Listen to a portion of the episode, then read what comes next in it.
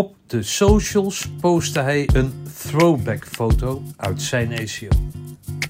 Tot mijn grote vreugde blijkt, na contact gemaakt te hebben, dat het gaat om een kerel die ons dichter bij de kazerne brengt.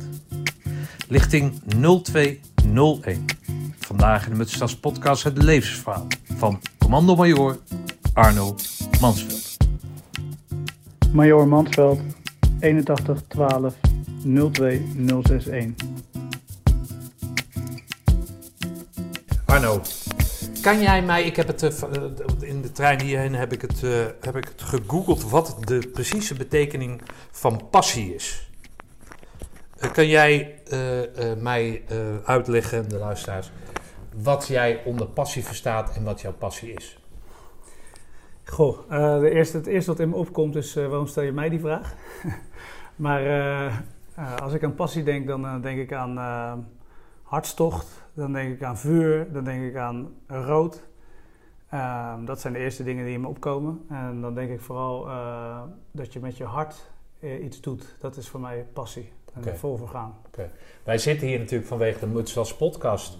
Dus er is een passie in jouw leven geslopen, zoals die passie, of die er voor mij was, nou dat is op latere leeftijd pas gekomen, diezelfde passie die we dan delen. Maar jij hebt gekozen voor een andere passie dan jouw passie. Je daar eens wat over vertellen? Dan denk ik dat je op rugby eh, Ja? hint. Ja, Ehm, nou, ik eh, ben rugbycoach. Eh, sinds ik eigenlijk ehm, ehm, bij het KST weg ben gegaan, op vrij jonge leeftijd, op 25-jarige leeftijd al.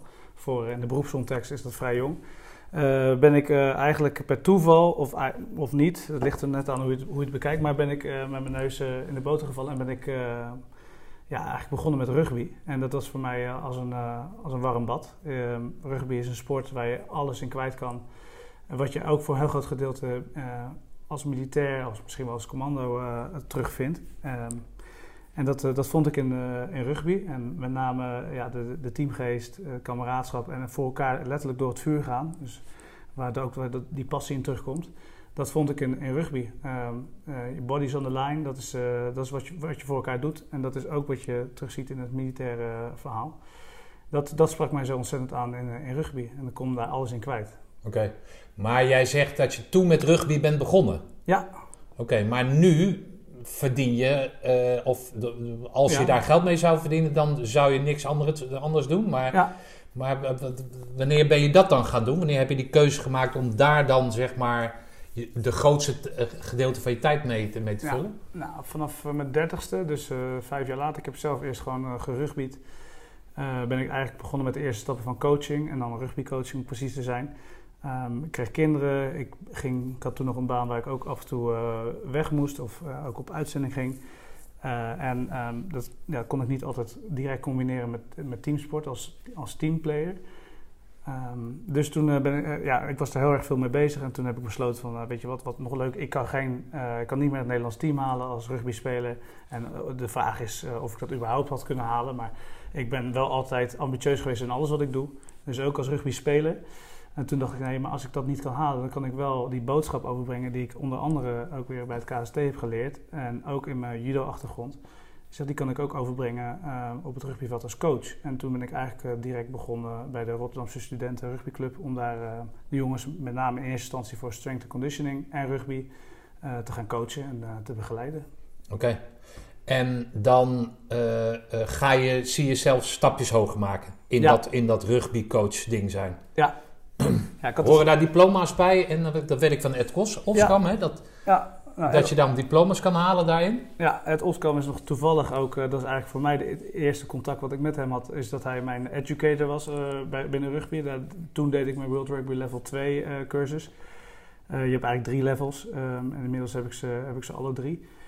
Ehm, maar inderdaad, je kan je ook, net als bij voetbal, KNVB, kan je ook met, met rugby, want rugby is een wereldwijde, een hele grote sport, kan je jezelf ehm, bekwamen en dan kan je je coaching diploma's halen. Dat heb ik ook gedaan in de loop der jaren en ik ben nu eh, eh, op dit moment bezig met een van de laatste opleidingen, Director of Rugby. Dat is eentje van de RFU, dat is de Rugby Federation eh, Union, als ik me niet vergis, van in ieder geval de Engelse rugbybond.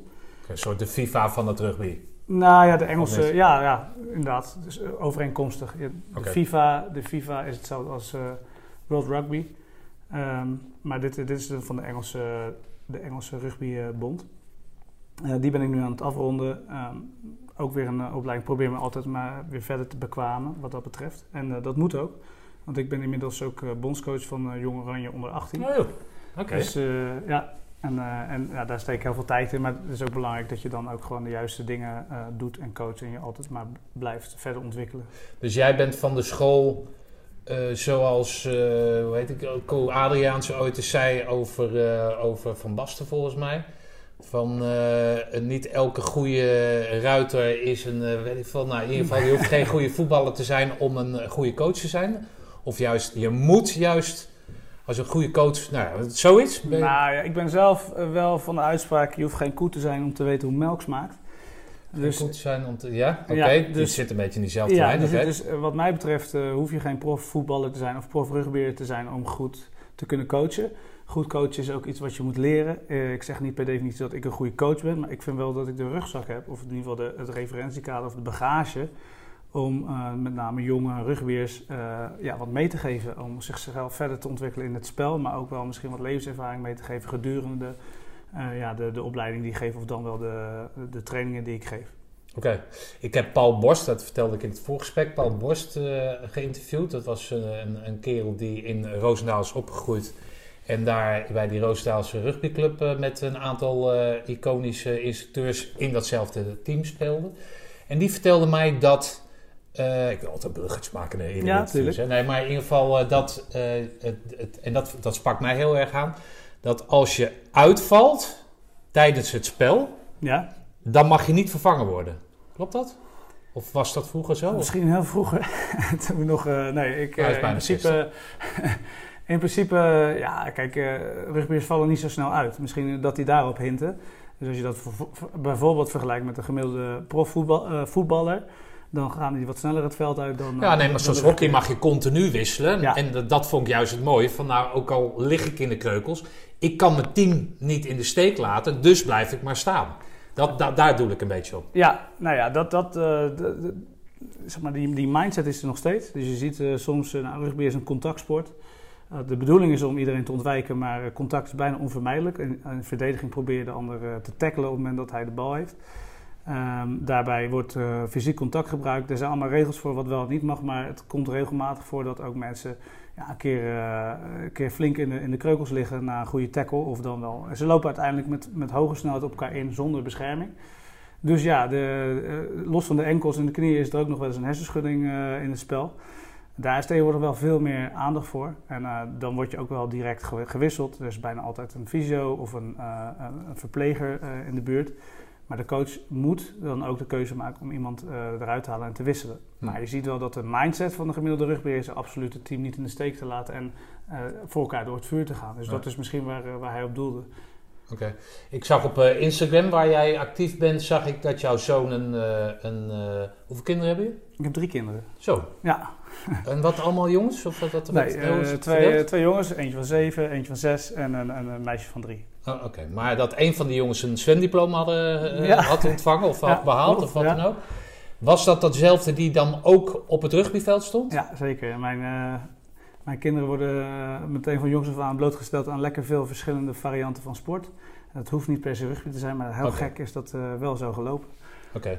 Dus maar dat, heeft hij er zelf om gevraagd of was het van... Uh... Nee, dat is ook de, waar ik op hinte. Nee, kijk, ik, ik sta op het veld, ze hebben mij gezien. Ze vonden het superleuk om, uh, om af en toe te helpen om met, uh, met de spulletjes uit de container halen. Dus hit shields, tackle bags, ballen en, en, dopjes en dat soort zaken. En uiteindelijk hebben ze mij gezien en nou, ik dacht, nou, als ze het echt leuk vinden, dan, dan mogen ze dat doen.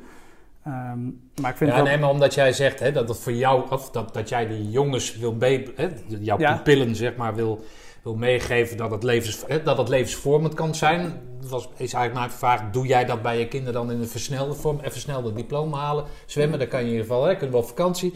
En je gaat rugbyen. Of ja, die nou, diversiteit die je aanbiedt, daar zit dan toevallig rugby onder. Ik probeer, maar dat is niet, uh, niet mijn sterkste. Ik probeer niet zo dwingend te zijn. Dat kan ik wel zijn. Dat is, dat is misschien mijn kracht, maar ook mijn valkuil. Dus ik probeer, niet, ik probeer ze wel de vrije keuze te geven. Uh, wat ik belangrijk vind voor de kinderen qua, uh, laat ik zeggen maar, sportaanbod. Maar dat is meteen wat mij betreft ook. Want sport en bewegen is, zijn voor mij levenslessen. Ja, een gevarieerd uh, sportaanbod is, is voor mij wel heel belangrijk. Dus dat is een, dat is een moetje. Okay. Mijn kinderen zullen, die zullen altijd minimaal drie keer per week een verschillende sport moeten doen, okay. voorlopig. Dus jouw dochter die gaat op ballet en, uh, en uh, op rugby bijvoorbeeld? Nou, die kans is met 99% zeker. Ja. Ballet of, of alle, rugby? Alle twee. Ze, oh, zitten, alle ze zitten op dansen. Oh, ze zitten op dansen. Ja, nee, ze zitten op dansen. Het... Zwemmen gaat straks komen. En, en, en, rugby is er nu enthousiast over. Althans, ze is enthousiast over judo. Maar dat, dat zie ik er nog wel doen, ja. Oké. Okay. Is daar, een, is daar iets van rugby dames? Ja, zeker. Ja? zeker. Okay. Nee, sterker nog, de dames doen, het, doen het eigenlijk beter dan, dan de heren, de Nederlandse heren. Oké. Ja. Jij bent, je hebt dus een duidelijk beleid wordt in dit huis gevoerd op, op het opvoeden van kinderen in combinatie met sport. Kan jij eens vertellen hoe jij zelf met sport in aanraking bent, bent gekomen in je jeugd en wat voor sporten je gedaan hebt, behalve ja. dat dansen dan? Ja, nou, ik, ik ben opgegroeid in de Hoekse Waard. Dat, dat ligt net onder de rook van Rotterdam, een eiland van Zuid-Holland. En ehm, nou, dat moet je zo voorstellen, dat is gewoon één grote vlakke weiland. Eigenlijk alleen maar weiland met, met hier en daar verdwaalde boom. En ik woonde dan in Strijen, maar dan niet in het dorp zelf, maar daar twee kilometer vandaan. Dus ik woonde eigenlijk in de middle of nowhere. Uh, dus ik moest al vanaf jonge leeftijd, om, om überhaupt een vriendje, vriendinnetje te, te ontmoeten, moest ik al een paar kilometer fietsen. Of wat, deed je, wat deden die ouders dan? Maar, mijn, ja, mijn vader werkte voor de reclassering, dus als maatschappelijk werker. Oh, dus die hoefde daar niet te wonen?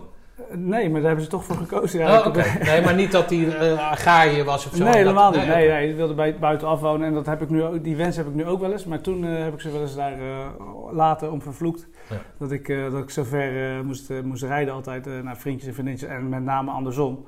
Dat mijn vriendjes en vriendinnetjes nogal mijl op zeven vonden om, om mij op te zoeken. Maar goed, ehm, ik, ik moest altijd best wel wat doen om, om ergens te komen bij iemand. Wat moeite doen. En... Ehm, maar goed, dat, dat ging naar de basisschool op het fietsje.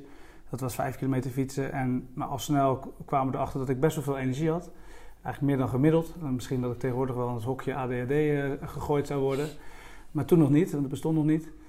En uh, ja, ik, ik, was ook, ik had wel, nou ik zou zeggen, agressieprobleem niet, maar ik was nog wel uh, wat, wat druk, iets te druk. En uh, toen werd al snel gezegd van, je misschien moet je eens op judo. En misschien was dat ook wel omdat het de enige sport was die op dat moment aangeboden werd naast voetbal had mijn vader daar altijd, uh, nou, bijna zeggen een hekel aan. Dus ik ging op judo. En, maar dat was dus een schot in de roos, want ja, ik kon daar mijn, mijn fysiek helemaal in kwijt. Ik kon vechten. ja, judo is een, best een Spartaanse sport. Maar als jij zegt dat je energie, dat, dat was geen agressie of zo? Nou, het was geen agressie, nou, maar ik werd wel driftig. En, en er werd gewoon toen de tijd, en wat vind ik een heel normale ontwikkeling, werd ook nog gewoon gevochten op schoolplein. En daar deed ik ook altijd uh, graag, uh, graag aan mee. Um, ging me ook altijd wel goed af, maar, maar goed, om het beter te beheersen. Niet naar, ik deed het niet naar de juf of niet naar mijn naar autoriteit of naar de. We zijn achteraf moeten gaan wonen omdat er geen school meer was. Of naar de, naar, de, naar, de, naar de ouders, maar ik was wel, ja, dat ging allemaal niet vanzelf. Dus ik ben altijd best een beetje driftig mannetje geweest toen. En ja, dus met de judo kon ik dat veel beter beheersen. Dat ging eigenlijk veel beter. En uh, nou, de, al snel zat ik daar op het dorps uh, judo clubje en dat, dat, ging goed. Ik haalde mijn, gele band, mijn oranje band en ik, nou, met, de, met de wedstrijden die ik ook al toen deed, won ik eigenlijk heel veel. Van op dorpsniveau. En dus al denk ik op een jaar of tien ging ik uiteindelijk helemaal naar Spijkenisse. Dat is van 30 kilometer rijden. Dat deed mijn vader dan altijd. Ja. En daar heb ik dus de eerste stap gemaakt naar een stapje hoger. En toen ik daar voor het eerst aankwam, toen uh, nou, werd ik echt alle kanten op gegooid. En uh, was iedereen veel beter dan mij. Maar daar, ook daarin uh, ja, heb ik mezelf weer kunnen herpakken. En uh, ja, ben ik steeds beter geworden, doorontwikkeld. Totdat ik daar zeg maar, ja, uitgegroeid was. Een beetje uh, de, de strikskant. Sorry dat ik onderbreek, maar ja? werd je daarin door thuis gestimuleerd of niet? Ja, dat, dat moet ik wel echt meegeven. Um, gestimuleerd is misschien ook wel... mijn vader is um, nou ja, maatschappelijk werker geweest. heeft zelf ook een redelijk, denk ik, strenge opvoeding gehad. En is ook uh, uh, beroepsmarinier geweest bijvoorbeeld. Oh joh, ja, ja, en ze hebben altijd gebokst, dus het vechtsport zit ah, ook een beetje het, in. Het, het zit er, ja oké, ja. het zit een beetje in de genen. Het is verre als ik hem, ja, het is geen, geen, geen vechtersbaasje als ik hem zo zie, maar ik denk dat het vroeger wel, wel uit de verf kwam. In ieder geval, ehm, Nee, maar dat, dat als jij dan alle kanten wordt uitgeworpen, ja, dat hoef hoort jij niet zelf allemaal op te lossen op die leeftijd, qua mentaliteit. Daar word je ook van thuis, word je, nou kom op nou jongen, we gaan ons toch niet laten kennen. nee precies. Maar ik heb volgens mij ook nog nooit last van gehad dat ik, ja, eh, boos op mezelf. Maar dat is het leuke van judo. Dus je kan jezelf alleen maar te verwijten dat het niet lukt. Dus uiteindelijk, eh, en niemand anders. Je kan de scheidsrechter niet de schuld geven. Je kan niemand de schuld geven behalve jezelf.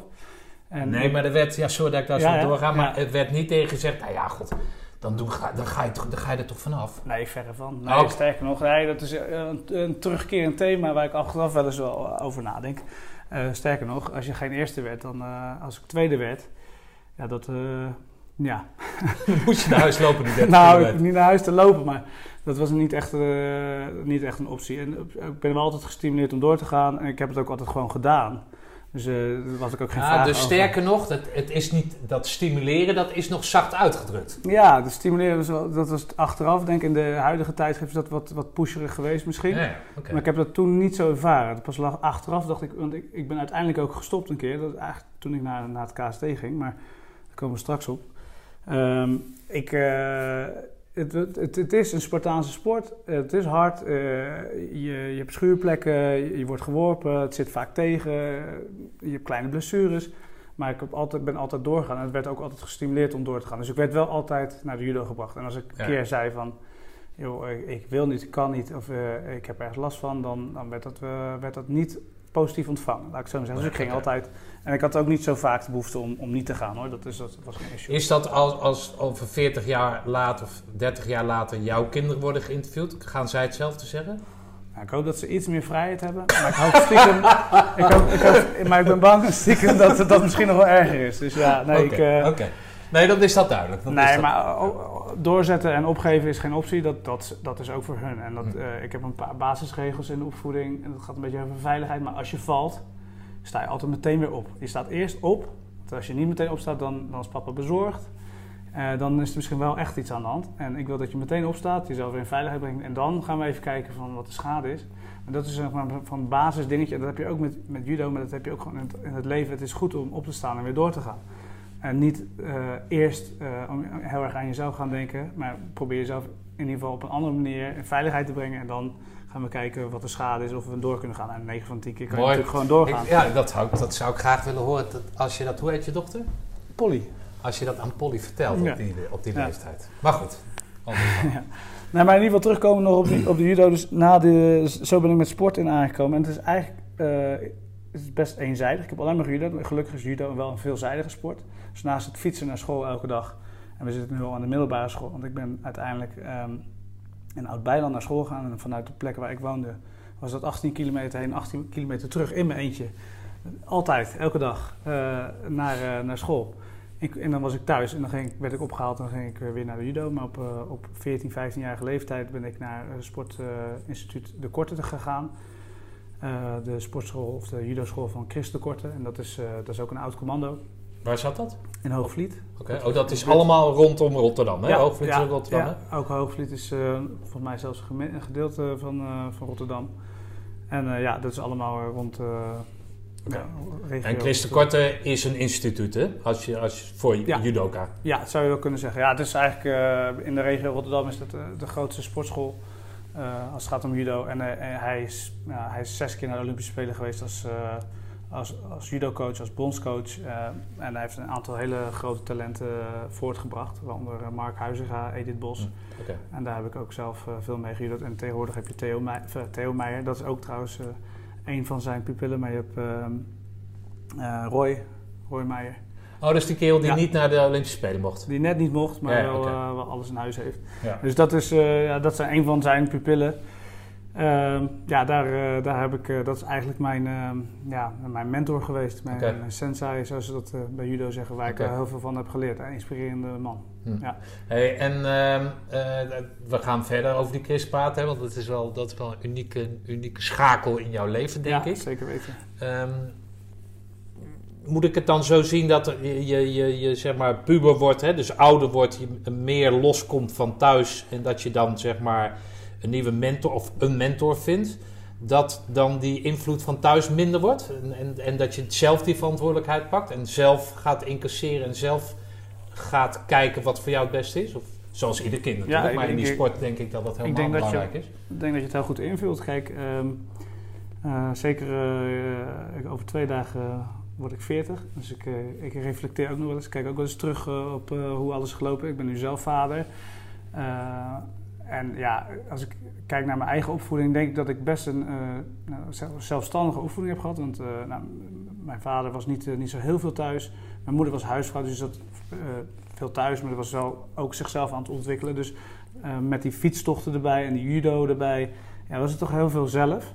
Ik vind zelf dat ik dat alles wat ik doe is best wel solistisch geweest altijd. Overigens iets wat ik dus nu met rugby en ook met, bij het KST heb geleerd om steeds, beter te gaan samenwerken. Maar het was niet vanzelfsprekend. En ehm, ja, Chris de Korte eh, is voor mij al een heel inspirerende man geweest. Omdat, hij, ja, omdat hij, hij heeft sowieso charisma, hij heeft veel gepresteerd en hij doet heel veel. Hij heeft gewoon heel veel gedaan. Eh, hij op jonge leeftijd is hij, eh, is ook nou ja, dus, eh, dienstplichtig commando geworden. Dat overkwam ook net als veel eh oud-commando's. Maar daarin, eh, daar heeft hij toch het beste van gemaakt, zoals hij dat zelf vertelde. En daarna is hij ook de, de wijde wereld ingegaan. Hij is eh, op eigen dof naar Japan gereisd in die tijd.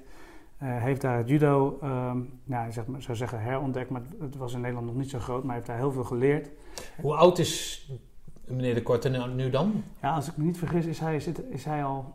Hij is na zeg maar, de generatie van Anton Geesink, Wim Ruska. Ja, de- de- na dezelfde generatie volgens mij. ja, dezelfde generatie. Hij is Oké. 86 volgens mij, als ik me niet Oh, vergis. oké. Of 88. Hij is nog steeds actief. Oké. Eh, met judo eh, heeft hij sinds een jaar voor mij... eh, hij begeleidt geen pupillen meer, maar, maar, in Tai Chi is hij nog steeds actief. En ja, in ieder geval benoemens, ja, bewonderenswaardig. In ieder geval op jonge leeftijd heeft hij, heeft hij dat, judo dus ontdekt. Meegenomen ook naar Nederland. Maar ook tussendoor heeft hij allerlei avonturen beleefd. Deze man... Avonturier puur Ja, hij is een avonturier en, en ook een, een eigen, eigenwijs, maar dan op de positieve manier. Hij doet wat, wat hij zelf wil. En dat ben ik pas later wat meer achtergekomen, maar dat sprak me toen al heel erg aan in, in De Beste Man. En ook zijn zoon, eh, eh, Willem de Korte, eh, wat uiteindelijk ook een, een product is van hem, die, die heeft mij, dat is ook een, een judo-leraar van mij geweest. En die heeft mij dat ook achteraf eh, ja, geleerd en ingezien. Ondanks dat het een korte periode is, maar het is wel een vormende periode, natuurlijk Hm. puberteit. Ja. En eh, ja, daar heb ik, eh, ben ik ze erg dankbaar voor. In ieder geval, ja, uiteindelijk... Komt dat terug in jouw coachschap nu? Ja, zeker weten. Ja? Ja, en dat heeft voor- en nadelen. Want eh Chris Kort is een, is een, een strenge coach, een strenge judo-leraar. Er, zijn, er worden geen, als, je, als je stond te praten tijdens een uitleg van een bepaalde techniek, dan, eh, dan was dat heel gebruikelijk en daar kom je nu, nu niet meer mee weg. Eh, als je stond te praten of niet op te letten, dan zei hij ja, eh, Mansveld, kom maar even hier. En dan stond je in een kring en iedereen was dan nog stil. En dan moest je je hoofd naar beneden doen. En dan kreeg je een okkernootje. Ik weet niet of je weet Ja, wat dat is. ja, ja, dat is ja. Oké. ja, dus met, met een vuist. Kleine vuistslag op, op het hoofd. En dan, dat gaf meestal ook een hol geluid. En iedereen... eh, Bij de meesten een holgeluid, bij mij niet.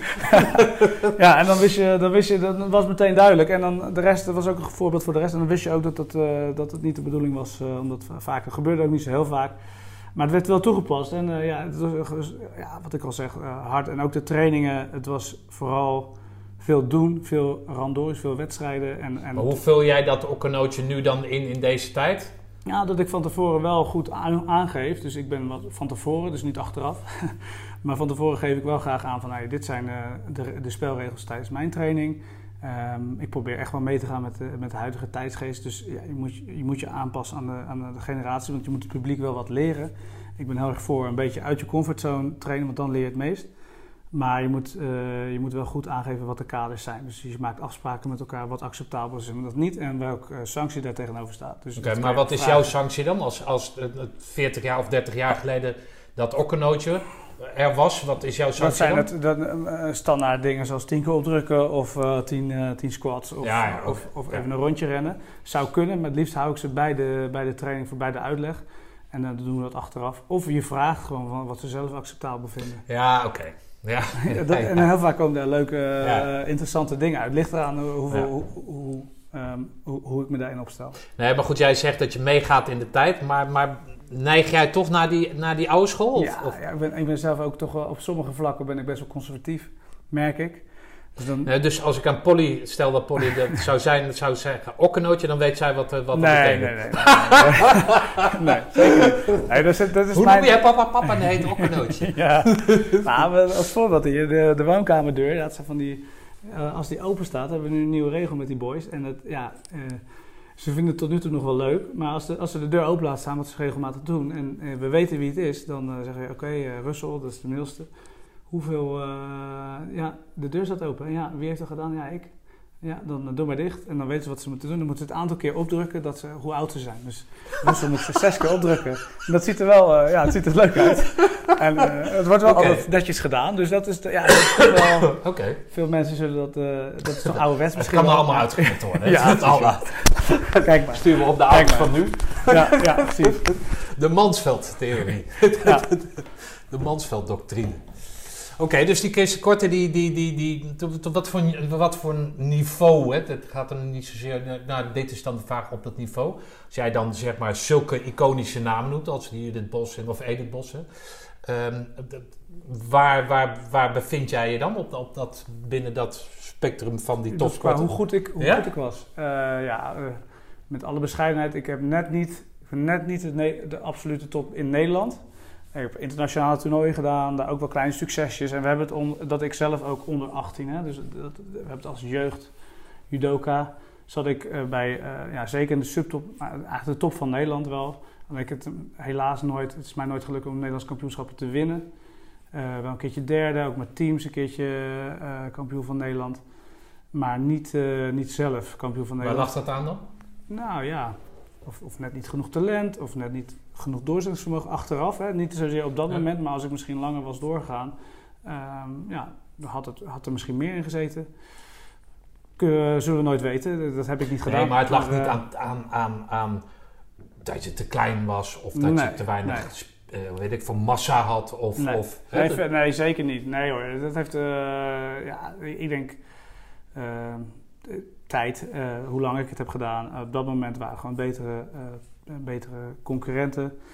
Eh, en soms, ik heb nou, faalangst, ehm zou ik niet zeggen, maar ik heb wel heel vaak gehad, ik heb wel heel vaak van jongens gewonnen die, ehm, die beter waren dan ik. Die ook eh, vaak Nederlands kampioen waren. Daar- won ik van. En dan stond ik in de finale. En dan won ik niet meer. En dan was de druk weg. En Ja, eh, dat is, gaat over presteren op het juiste moment. Dus achteraf wel eens over nagedacht hoe dat dan kon. Maar ja, ik, eh, ik, ik had het zeker in me om, om Nederlands kampioen een keer te worden. Dat was een soort van doel wel. Eh, maar uiteindelijk heb ik wel rationeel eh, bedacht van oké, ehm, ik, ik denk niet dat ik een topsportcarrière als judoka eh ambieer omdat ik niet denk, ik geloof het niet in mezelf dat ik dat ook. Ik, ik dacht niet, ik ga naar de Olympische, ga, ga ik niet halen, Olympische oké. Spelen. Maar dat had je wel stiekem als, als judoka. Ja, want het zit- is echt een, je zit een in een- Olympische sport natuurlijk. 100% ja. Ja, je dus- zit in, een high performance omgeving en dat is ook absoluut high performance en daar heb ik wel enorm van genoten. Geno ja, ook gewoon afgezien, maar ook achteraf zeker van genoten. Eh, en ook iets wat ik graag nu in mijn da- in dagelijks werk als, als rugbycoach probeer eh, in de rugbywereld te krijgen. Want in Nederland is het nog geen high performance. Eh, je hebt hier en daar wat flarden wat in de buurt komt, maar rugby is tot, tot tien jaar terug toch echt wel, ging het vooral om de derde helft. Wat ook heel erg leuk is aan rugby. Ja. Het is een sociale sport. Je speelt met 15 tegen 15, je staat met 30 man op het veld met een scheidsrechter, 31 man. Dus het is een drukte van je welste. En het gaat dan vaak om de verbondenheid en verbroedering vindt ook vaak plaats in die derde helft. Waar ik zelf niet zo heel veel mee, althans het is een leuke traditie vaak, maar eh, ik heb veel meer met, met, om iets op een hoger niveau te doen. En eh, dat probeer ik in de rugbywereld terug te, terug te krijgen nu, met, met, als bondscoach ook, maar ook eh, bij de clubs waar ik, waar ik voor train. Wat ook ereklasse niveau is, dat is dan ook het hoogste in Nederland. Dat probeer ik daarin terug te krijgen. Maar de, de judo-sport, ehm, ik zat wel in een high-performance omgeving waar Olympiërs, ik bedoel, Mark Huizinga werd in 2000 in, in Sydney werd hij Olympisch kampioen. Ja. En dat, ik ben een van zijn trainingsmaatjes geweest, zelf Edith Ja. Bos. Wel Ja. mooi. Ja, dat is gaaf en daar ben Ja. ik ook apen trots op. En ik ben apen trots op, me, op, op, op, op- op de sportschool waar ik zat, hè, dus op, eh, op, Chris de Korte en, en, en Willem de Korte, hoe, hoe zij dat deden. En een aantal andere eh judo-coaches. En, maar ook eh, op, de, op de jongens die het, die het wel haalden. Of in ieder geval die... ja, Mark Huizinga is uiteindelijk als je goud wint op zo'n Olympische Spelen... Ja. Dat is natuurlijk fantastisch. En dat is het, de absolute top. Daar doe je het voor. Alleen ik had op dat moment rationeel in ieder geval bedacht van... Nou, weet je, ik weet niet of ik in staat bent om, dat, eh, om zoveel effort erin te steken met de, met, met, de, met de zeer kleine kans dat je uiteindelijk dat Ja. haalt. Eh, Ja, Ja. Dat, ja.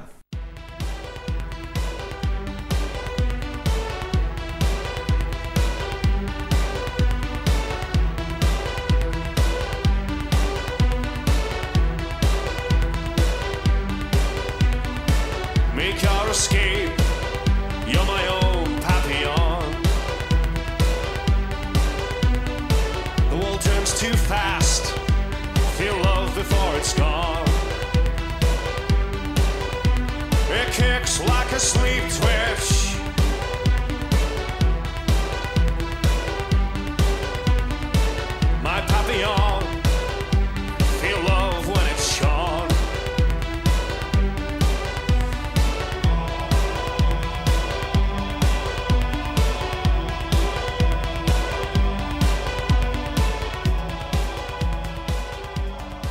Nou ja, even een ander verhaal, maar die, die, die strijd, hè, die jarenlange strijd, zeg maar, tussen die eh, Henk Grol en, eh, Ja. en die Meijer. ja, ook. Ja. Dat vond ik natuurlijk, ik vond dat mooi. Hè? Ehm, eh, maar wat ik eigenlijk het allermooiste vond, en, en, was zeg maar die Meijer, hoe heet hij van zijn voornaam? Roy? Roy. Ja. Roy Meijer, die dan zeg maar eh, tijdens de Olympische Spelen Henk Grol gaat becommentariëren. ja. En met voor mij respectvol. Ja, nee, dat, vond, dat, vond ik, dat vond ik machtig mooi. Dat er Ja. af en toe iets doorklonk van.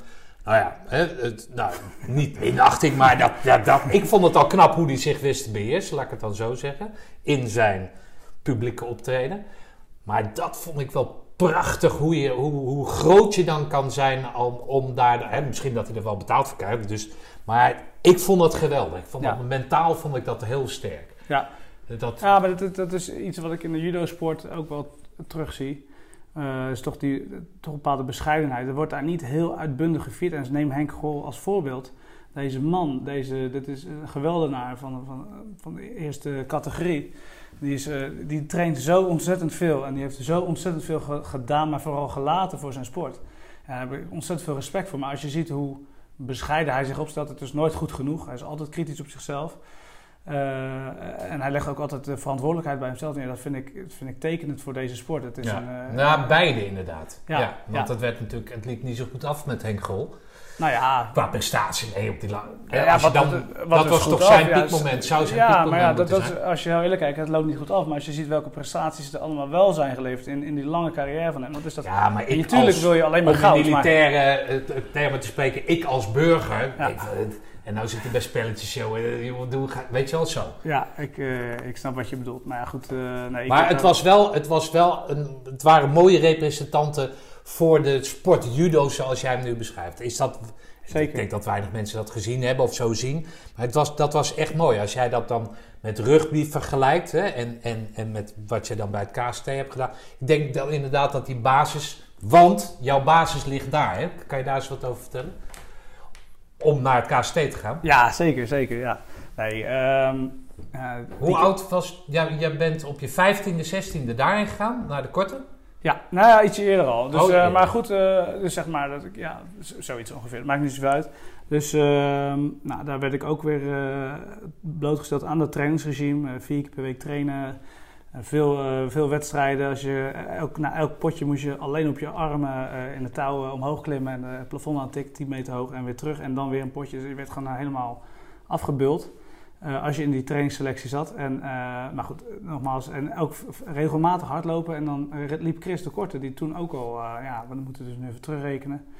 Als nu Nou, 86 lijkt- is, dan... Met, met, met nou, een, een leeftijd eh, waar de meeste mannen niet meer zo hard lopen. Maar Ja. De Korte liep dan voorop en die liep dan en een typisch eh, achteraf gezien. En een commandodrafje liep hij voorop.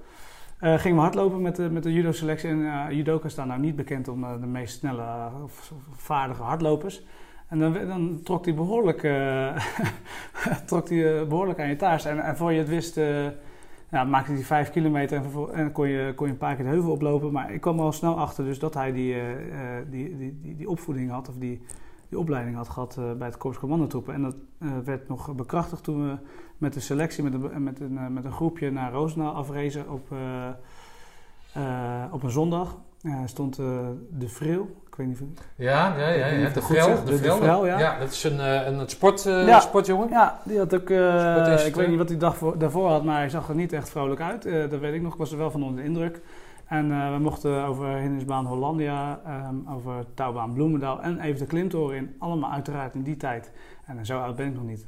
Maar het was 99 of 98. We mochten daar overheen ongezekerd. Nou, Hollandia ging goed en het ging mij wel goed af. En al die judoka's gaat het wel goed af. Want touwklimmen, dat zit Ja. er toch in. En ze zijn allemaal wel behendig op een bepaalde manier. Maar ehm, ja, op een gegeven moment eh, ga je dan ook over, eh, over Bloemendaal. Dat het toch, eh, ja, wat voor mij 7, 8 meter hoog is. En dan ga je de catcall eroverheen. En totdat er een van onze van de judoka's ook op zijn kop andersom eh, in dat touw hing.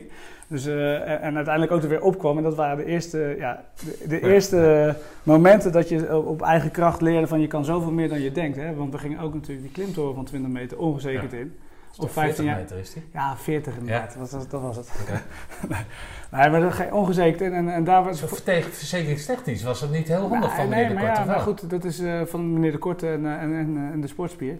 Maar aan de andere kant is dat precies wat ik nu eh, ook... Ja, dit, is, dit is eigenlijk waar voor mij... eh, dat gaat over dat je zoveel leert over je eigen, eigen kracht. En, en wat je eigenlijk wel allemaal niet kan, eh, zonder dat je wist dat je het kon. En nou, dat heb ik toen al meegekregen en dat inspireerde mij enorm. Want ja, ik ging me eigenlijk best wel goed af met die, met die hindersbaan. Ik vond het eigenlijk leuk. Plus, de, nou ja, de, dus, ik heb nooit echt veel verhalen van Christel Korte gehoord over wat hij, wat hij dan deed in zijn, in zijn dienstplicht. Eh, als commando. Maar het, het, het, vormende van, van, het vormende karakter dat hij heeft, dat sprak me wel erg aan. Dus uiteindelijk eh, ben ik, eh, toen ik, ja, ik heb dus HAVO gedaan en eh, ik heb een jaar een propeduis HBO-opleiding gedaan, maar dat sprak me allemaal niet zo aan. Wat in welke richting? Ja, ik wist het echt niet. En ik ben toen PABO gaan doen. En ik heb het eerste jaar, dus leraaropleiding. maar dat was geen, dat was geen succesverhaal. Ik een paar, nou, was maar gewoon wel heel grappig met dat coachschap. Ja, dat, wel. Hè? Dat heeft er wel altijd ingezeten. Ja, dus, jawel, maar... Nou ja, of de... Ik, ik, een van de motivatie... Uh, mijn motivatie om dat te gaan doen was dat 95% van de... Van de vrouwen. 95% vrouw was in die opleiding. En dat sprak me wel aan. Maar uh, nee, uiteindelijk, het is leuk, en, maar ik was er gewoon nog niet klaar voor. Ik, uh, ik was veel te jong. Ik had geen zin om op 2, 2 23-jarige leeftijd voor de klas te staan. En ik wilde nog wel een uitdaging in mezelf. En ik had ook dat, dat verhaal met, met de judo, dat ik mezelf wilde bewijzen. Dat ik, nou, ik dacht dat ik geen Olympiër kon worden. Maar ik wilde mezelf wel bewijzen. Ik was nog geen Nederlands kampioen geworden. Uh, toen dacht ik, ja, weet je, dan ik, ik, ben ik gewoon naar de banenwinkel gegaan. En uh, heb ik aangewezen dat ik naar de commando's wilde. En nou, eigenlijk op basis van alles wat ik al mee had gemaakt, heb ik de keuringen gedaan. En ben ik in 2001 ben ik binnengekomen. En moest ik daar als spijkerbroek, want dat was dan... dat is, heeft altijd als spijkerbroek, beroeps, spijkerbroek, dat ligt er heel erg aan in de beroepscontext. Dus tegenwoordig is iedereen natuurlijk beroeps als je het leger ingaat. Toen ook. Dus ik heb toen gekozen om militair te worden. Je wordt gekeurd in Amsterdam. Je wordt goedgekeurd en uiteindelijk uh, is de bedoeling dat je militair wordt. Dus nou ja, ik ben uiteindelijk in uh, 2001 opgekomen. Heb ik de AMO gedaan um, in Bergen op Zoom. want de, de kazerne in de Engelberg van Nassau kazerne in Roosendaal werd op dat moment helemaal verbouwd. Die was dicht, dus wij, ik heb alles in Bergen op Zoom gedaan. En daar, uh, daar ben ik uh, militair geworden, maar wel opgeleid door commando's. Dus een iets kortere... Ja, dat is zo'n, wat ze noemen zo'n groene AMO. Ja. Het was dus, jij bent echt doelgericht daarheen gegaan. Ja. Niet zo van, als ik niet haal, dan, dan blijf ik militair. Ja. Het was echt te doen om één ding. Ja, dat was, dat was ook het doel. En ook uh, ja, van tevoren werd me ook wel, uh, mijn vader bijvoorbeeld, die heeft me daar niet, niet direct in gesteund. De eerste reactie was ook van, nou, dat moet je niet doen. Er zijn maar weinig die dat halen. En, ik werd er, en ook in de banenwinkel werd gezegd van, nou ja, besef je wel dat... Grappig echt, dat jouw vader dat zegt dan. Ja, dat vind ik ook nog steeds. En uh, achteraf kan ik zeggen dat hij daar wel weer heel erg trots op was. Maar hij is altijd, en misschien komt dat conservatief van mij daarin, hij is altijd wel redelijk conservatief geweest in de keuze die ik maak. Van of het wel verstandig was, hè? veel rationeel.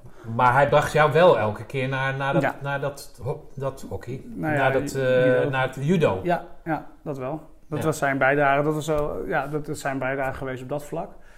Uh, um, Ja. En is dan oud-marinier. Dus je zou zeggen, als je dat stimulerende in je hebt en het is godverdomme ook nog je eigen zoon, Ja, dat je zo'n keuze in ieder geval bewondert. Ja. En of je dan kritisch daarop bent, dat kan ik me voorstellen. ja, dat zou ik zelf Want eh, het is ook doen, natuurlijk wel een baan die, die, nou ja, zoals ik altijd vind, als je dat doet, dan ben je bereid dus op een of andere manier om een kogel te vangen. Precies, misschien was dat ook wel de reden waarom die in eerste instantie niet zo enthousiast was. Mijn moeder was er ook niet per se eh, enthousiast over. Die vond dat toch een risico, maar ze zei wel van als jij dat graag wil, dan moet je dat doen. En daar is het, Ben jij zijn- enigszins trouwens? Nee, ik heb ook nog een zus. Oké. En die is Zusje. ouder, jongen? Nee, iets jonger, twee jaar jonger. Oké. Dus eh, nee, maar eh, misschien was dat ook wel de reden dat. ja, mijn ouders waren niet super enthousiast, maar ook mijn moeder steunde wat meer in. Mijn vader was in eerste instantie wat, wat sceptischer. En eh, wat ik zei, wat eh, rationeel had, zei hij van ja, is het wel handig, ik had beter eh het pabo af kunnen maken. En dan heb je gewoon zekerheid, baanzekerheid. Het gaat Ja. al heel vaak daarover. Nou, Veiligheid, is toch niet zo zekerheid. gek? Ja. Nee, dat is zeker gezien de tijdgeest waar, waar mijn oude babyboomer met ouders die uit de Tweede Wereld, in de Tweede Wereldoorlog ook van alles mee hebben gemaakt, die zijn vaak wat conservatiever in hun nou, werkzekerheid, dat soort zaken. Maar goed, ehm, in ieder geval, ja, zo ben ik dus uiteindelijk naar het KST gegaan en vanuit de, na de AMO vooropleiding gedaan. En ehm, tijdens die vooropleiding ehm, ben ik, eh, ben ik eh, ja, ik wil zeggen gewond geraakt, maar ik ben niet gewond geraakt. Maar heb ik, eh, op een gegeven moment kreeg ik een blessure aan mijn knie. Ik kon amper meer lopen, ik kon amper meer springen.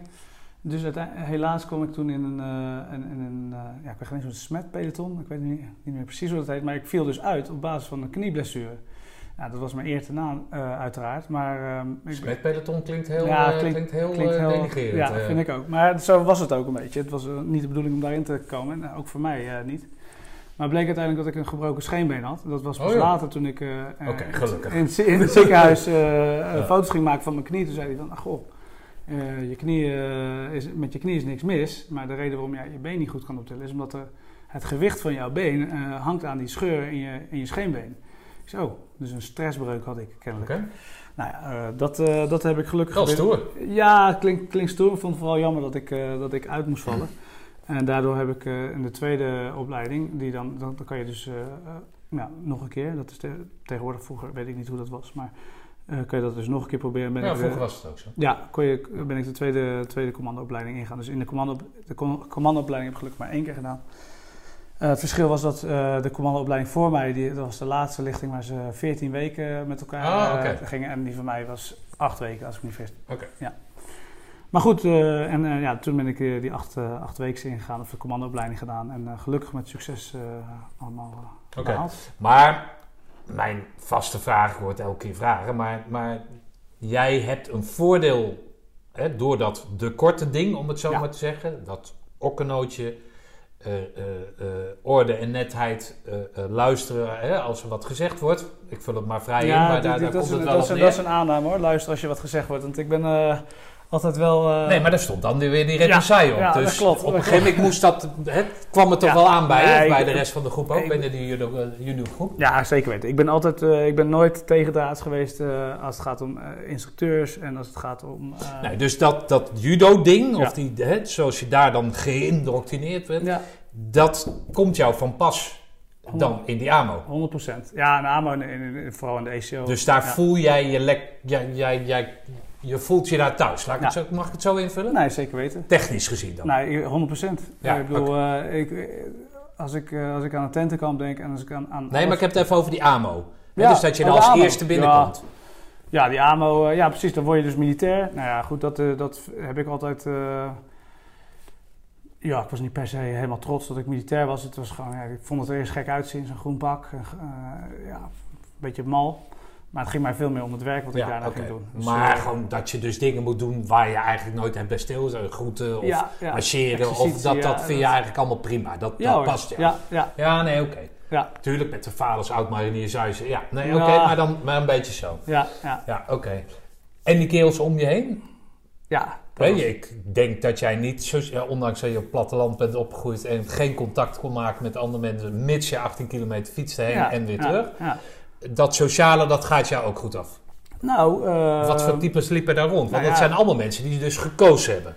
Ja, klopt. Ja, wat voor types zijn dat? Ja, er zijn dus allemaal jongens die, eh, waar, waar je mee begint in de AMO. Dat is logisch, want het zijn allemaal burgers. Dus mensen die de burgermaatschappij ja, van, van, van timmerlui tot mensen die hebben gestudeerd. Maar wel met een bepaalde interesse dus. Nou ja, Gezamenlijke interesse. gezamenlijke interesse. Ze hadden allemaal in ieder geval de hoogste, de zwaarste keuring eh, moeten doorlopen. En ze hadden een bepaald eh, werk- en denkniveau. Dus dat was gelijk. Eh, eh, dat was het minimale eis, was vrij hoge eis voor een Ja. gemiddelde militair. Eh, en allemaal ambitieus, dat ook. Eh, en en, en dat, dat, dat schrijft wel een band. En de diversiteit was ook wel weer heel groot. En voor mij, je zegt wel eh, van, nou ja, goed, dat- dat- dat- hoe ging dat dan sociaal? Nou ja, dat, dat was ook even wennen in het begin. Ik was wel een van de jongeren. Ik was 19 toen ik erin ging. Ehm, nou ja, voor commando's is het tegenwoordig 20 eh, de eis dat je vanaf 20 mag het proberen. Ehm, maar goed, eh, ja, uiteindelijk eh, eh, kon me daar best wel snel in, in mengen. En eh, ging ik goed op in, in de omgeving en kon ik, kon ik me aanpassen aan alles wat me, om me heen gebeurde. Maar het was wel echt een, een groot verschil. Dus, maar ik heb het wel altijd prettig gevonden. Ik heb het nooit onprettig gevonden. Oké. Ja. Maar goed, als jij zegt dat je in zo'n eh, de korte ding 10 meter alleen op je arm. Ja. ik word er al moe als ik Ja. denk. Ik, volgens mij kan ik dat niet eens. Ook niet toen ik topfit was.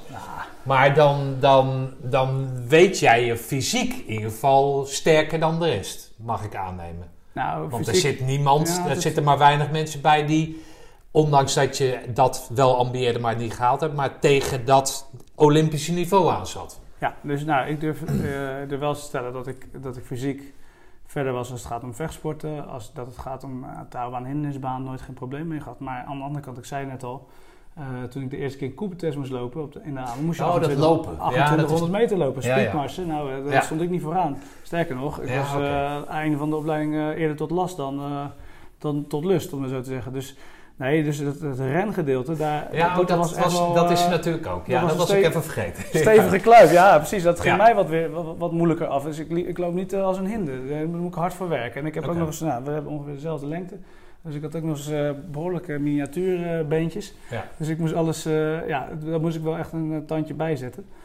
Dus dat, dat ging me allemaal niet zo goed af. En ik merkte ook, eh, want ik heb de laatste lichting wat de mariniers ook eh, meededen met, eh, met de commandoopleiding. Ja, die werden vooral geselecteerd op, op, op basis van een loopvermogen. Althans, dat is het enige waar ik vooral zag dat ze erg, Ja, ja, erg in uitblonken. Dus ze waren ontzettend sterk in dat lopen. En je liep natuurlijk ook nog achteraan. Ik liep zeker achteraan. ja, ja. ja, dat- ja, dat is goed. Ja. Ja. Ja. inderdaad. En korte benen en achteraan. Ja, nee, dat is... Ja, Ja. oké. Nou goed, dus je valt lekker in... die- Of hè, je, valt, je, je, je, je bent senang, om het zo maar Ja, te zeggen. ja. Hoeveel kerels komen in het begin eh, in eh, Berg op Zoom aan en gaan uiteindelijk die ACO in? Ongeveer? Ja, dat is eh, ruim 100. Eh, Over de 100 hebben wij in de, in de AMO gehad. Daar vallen er in de AMO al een heel aantal af. En dan in de vooropleiding, als ik me niet vergis, ja, het is allemaal het is een natte vingerwerk, maar 80 man. En ehm, in de commandoopleiding zijn we met een flink peloton. Dus dat denk ik, nou, denk Wel iets 40 van 40 plus. Ja, ja. wel iets van 45 of zo. Misschien wel iets meer. Oké. Zijn we begonnen. En uiteindelijk eh, zijn we met eh, alles bij elkaar volgens mij 24 man binnengekomen, waarvan zes eh, mariniers. Oké. Nou, was vroeger was het dan zo, vroeger, ja, jezus, als ik een hele oude lul ben.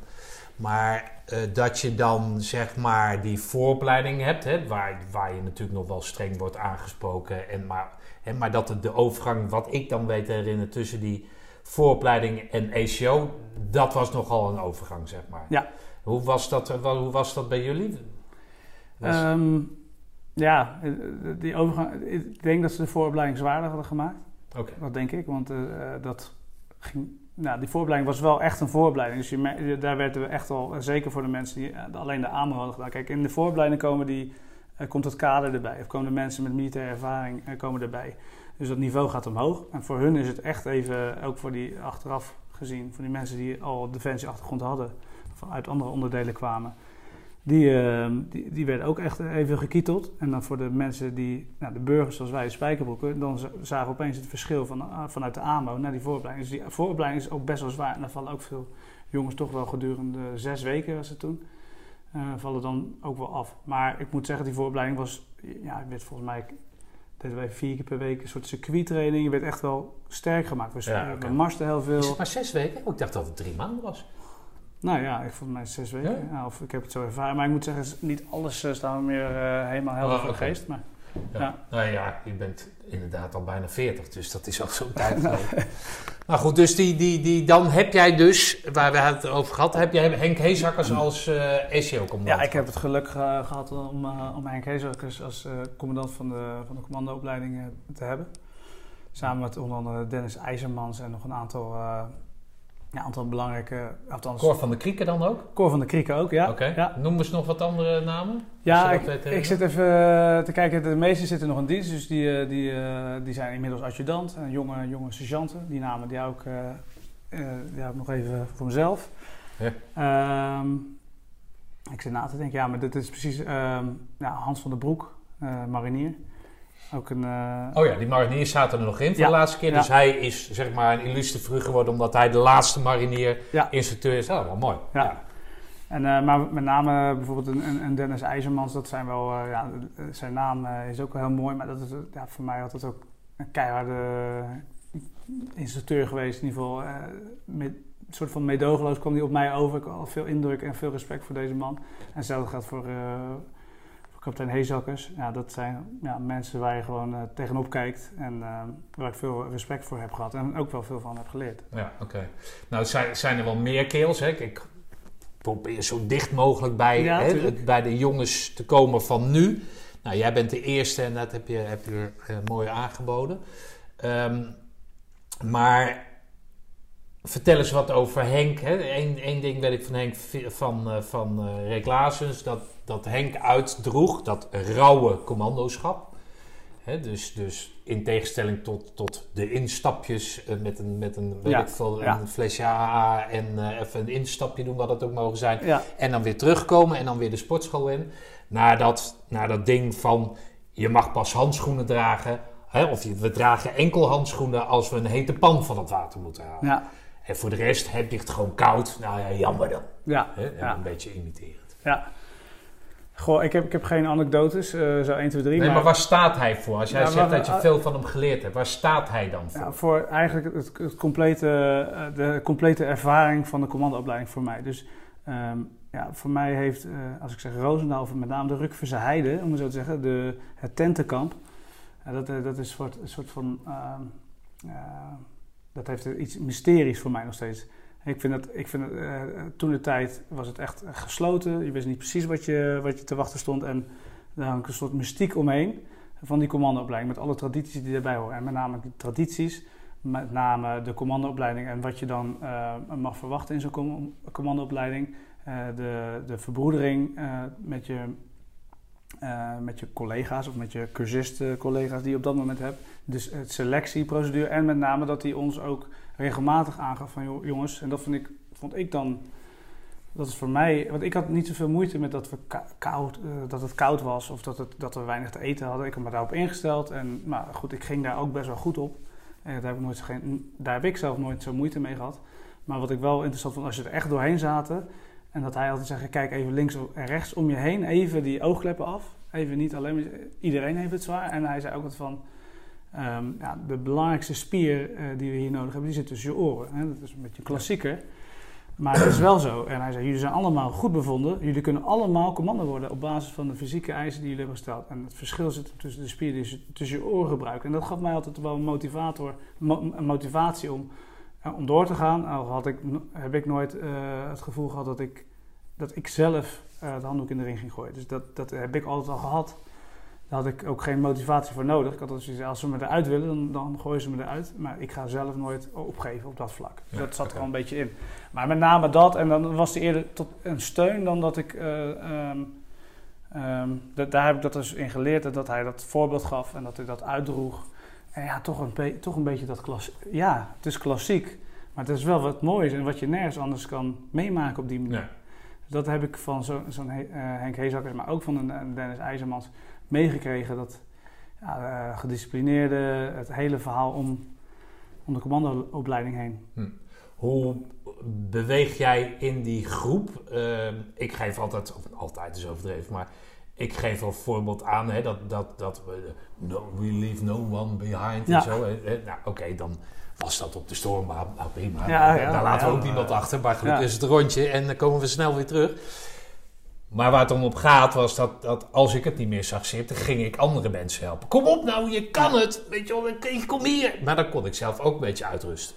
Snap je? Ehm, jullie zijn allemaal bereid gevonden, of jullie hebben jezelf aangemeld om militair te worden. Dus dan, dan wordt dat no one eh, behind, Ja, weet je ja. wel. Dat krijgt in één keer eh, eh, betekenis. Ja. Dat kreeg in één keer meer, meer inhoud dan dat het voor mij was, laat ik het dan zo zeggen. Ja. Ehm, hoe ga jij daarmee om? Hoe, hoe, hoe voel jij dan de, de importantie, op, ondanks dat het allemaal op de stormbaan is, maar dat je dat dus eh, alvast getraind krijgt in jezelf? Ook al is het op de stormbaan, we laten dus niemand alleen staan, een beetje wat ik bedoel? Eh, als, je, als, je, als je bedoelt dan... Als Ja, je anderen helpen, omdat als het later dus echt voor het Ja. echt is, dan, dan Ja, Weet je maar zo? op het moment dat ik die, in die opleiding zat, was, moet ik wel zeggen, eh, waren de gevechtsmissies nog steeds redelijk beperkt. Er waren wel een paar in Bosnië geweest op dat moment. Dus een aantal mensen hadden wel al iets van eh, ervaring op dat vlak. Maar nog niet eh, daadwerkelijk, zoals ik het heb begrepen, dat, eh, dat ze andere mensen eh, uit het gevechtsveld moesten trekken. Dus dat is tegenwoordig is het. eh, ik heb ook, eh, nou, ik zou bijna zeggen, de eer dat ik af en toe de kennismakersdagen mee mag doen. En eh, dat ik daarmee eh, ja, mensen ook vaak de burger, meestal uit de burgermaatschappij, maar ook eh, vanuit Defensie.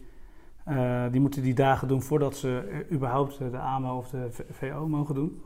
Ehm, daar wordt op dit moment zit een, zit een onderdeel bij waar, ze, waar de, echt daadwerkelijk een operatie, waarbij Kevin van der Rijt is overleden, simuleren in een oefening, of simuleren in, een, in, eigenlijk een fysieke prikkel. waar dan echt even heel duidelijk wordt gemaakt met een verhaal vaak, wat, wat daadwerkelijk verteld wordt door mensen die erbij waren, of in ieder geval indirect of direct.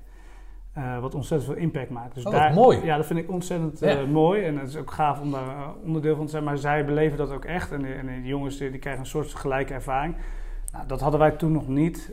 Dat was anders. Ook het kader had nog niet, misschien niet die ervaring op dat moment.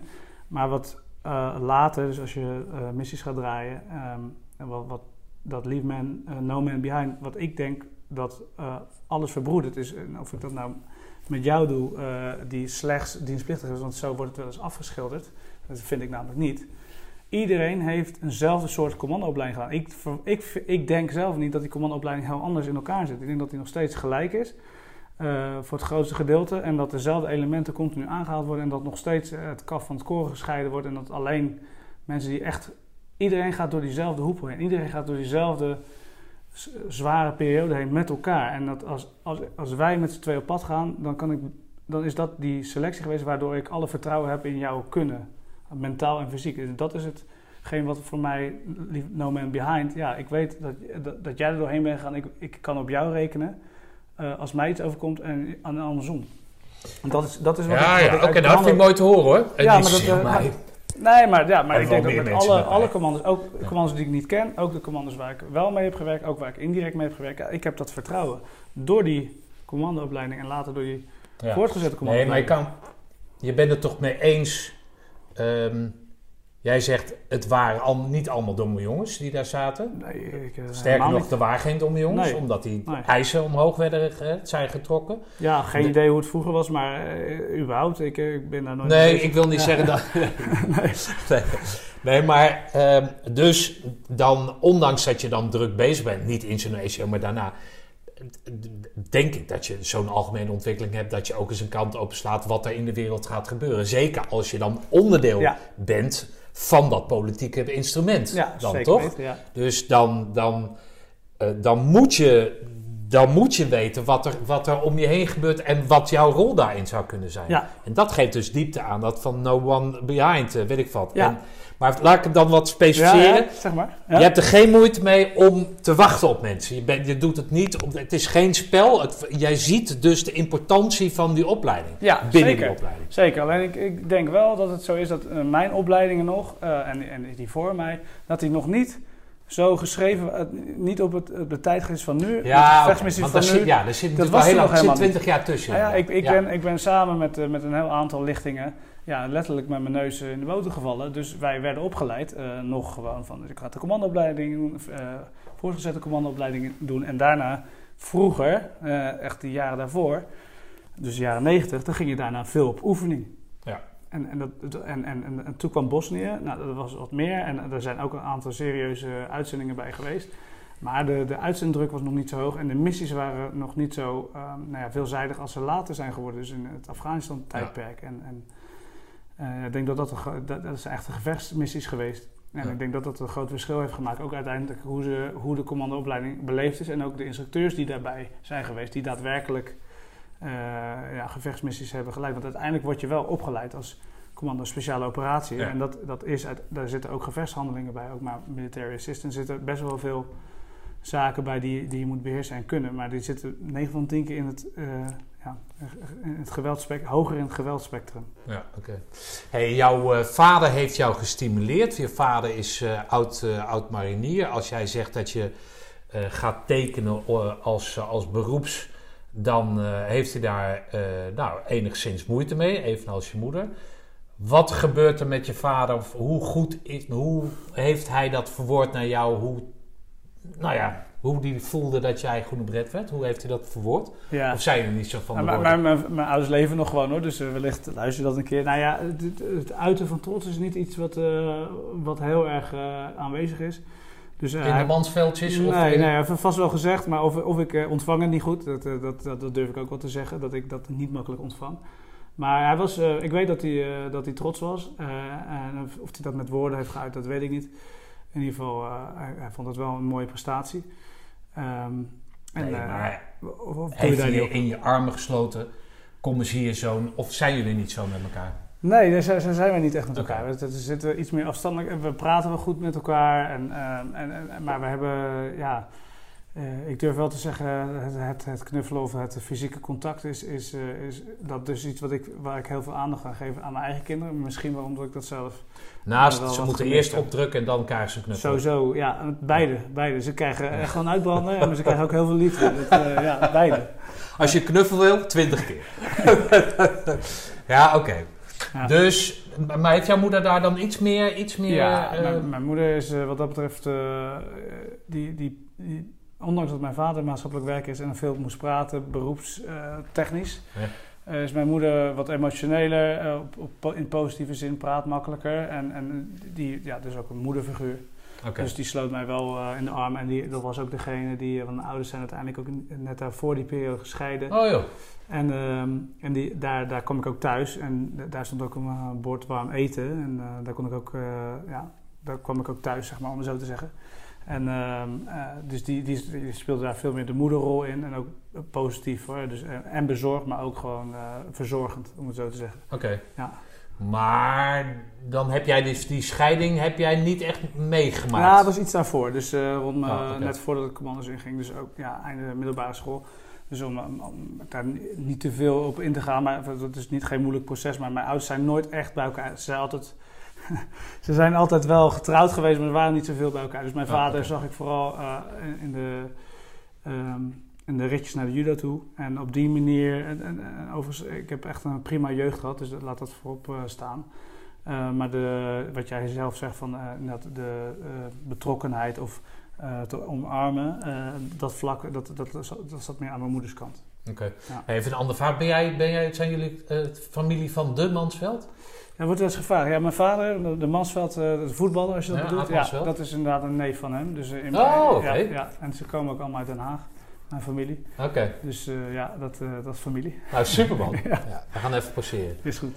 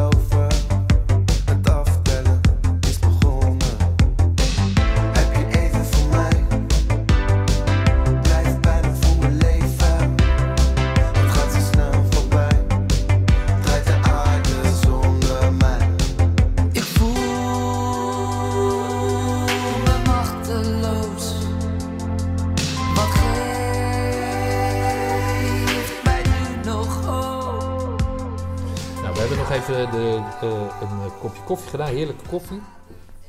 Ehm, ik heb met eh, Arno afgesproken. Eh, ik ben blij dat, dat, eh, dat, we, dat ik hier mag zitten. Ehm, omdat Arno nog aan het korps verbonden is. En dat is eigenlijk de eerste kerel die ik tegenover me tref die, die link nog met het, met het korps heeft. Dus de eerste voorzichtige stap binnen de muren van, van de kazerne.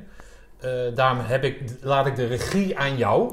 Hè, eh, omdat je natuurlijk niet, eh, niet alles kan vertellen. Ehm, eh, ga ik natuurlijk vragen stellen, maar het zou zomaar kunnen zijn dat je kan zeggen van nou, dat kan ik niet. Hè? Dat scheelt ook weer monteren, hè, Ja, om het zo maar te ik. zeggen. Dus goed, jouw vader die, die omhelst jou niet, maar dat, dat zit meer in de mansveldjes. Je moeder is, is daar wat, wat empathischer en nou, is moeder, zoals je dat al geschetst hebt. Dan eh, heb jij die groene beret. Is het dan ook wel zo dat je die eh, eh, voortgezande- voortgezette commandoopleiding waar je in komt, moet goed voltooien, Ja. zodat je hem niet die groene beret kan verliezen? Ja, nou ja, in principe kun je na de commandoopleiding nooit meer je groene beret verliezen. Tenzij je, eh, nee, je kan hem niet verliezen. Je bent altijd gerechtigd tot het dragen van de groene beret. Als ik me niet vergis.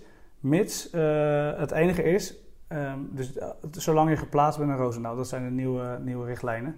Dus als je vervolgens eh, naar een andere eenheid gaat, dan, dan kan je groene beret eh, ja, in je vitrinekast zetten. Maar Nee, oké, maar als jij die voortgezette commandoopleiding, dat is mij in ieder geval Ja. verteld, niet haalt, ja, op wat voor manier dan ook, Mhm.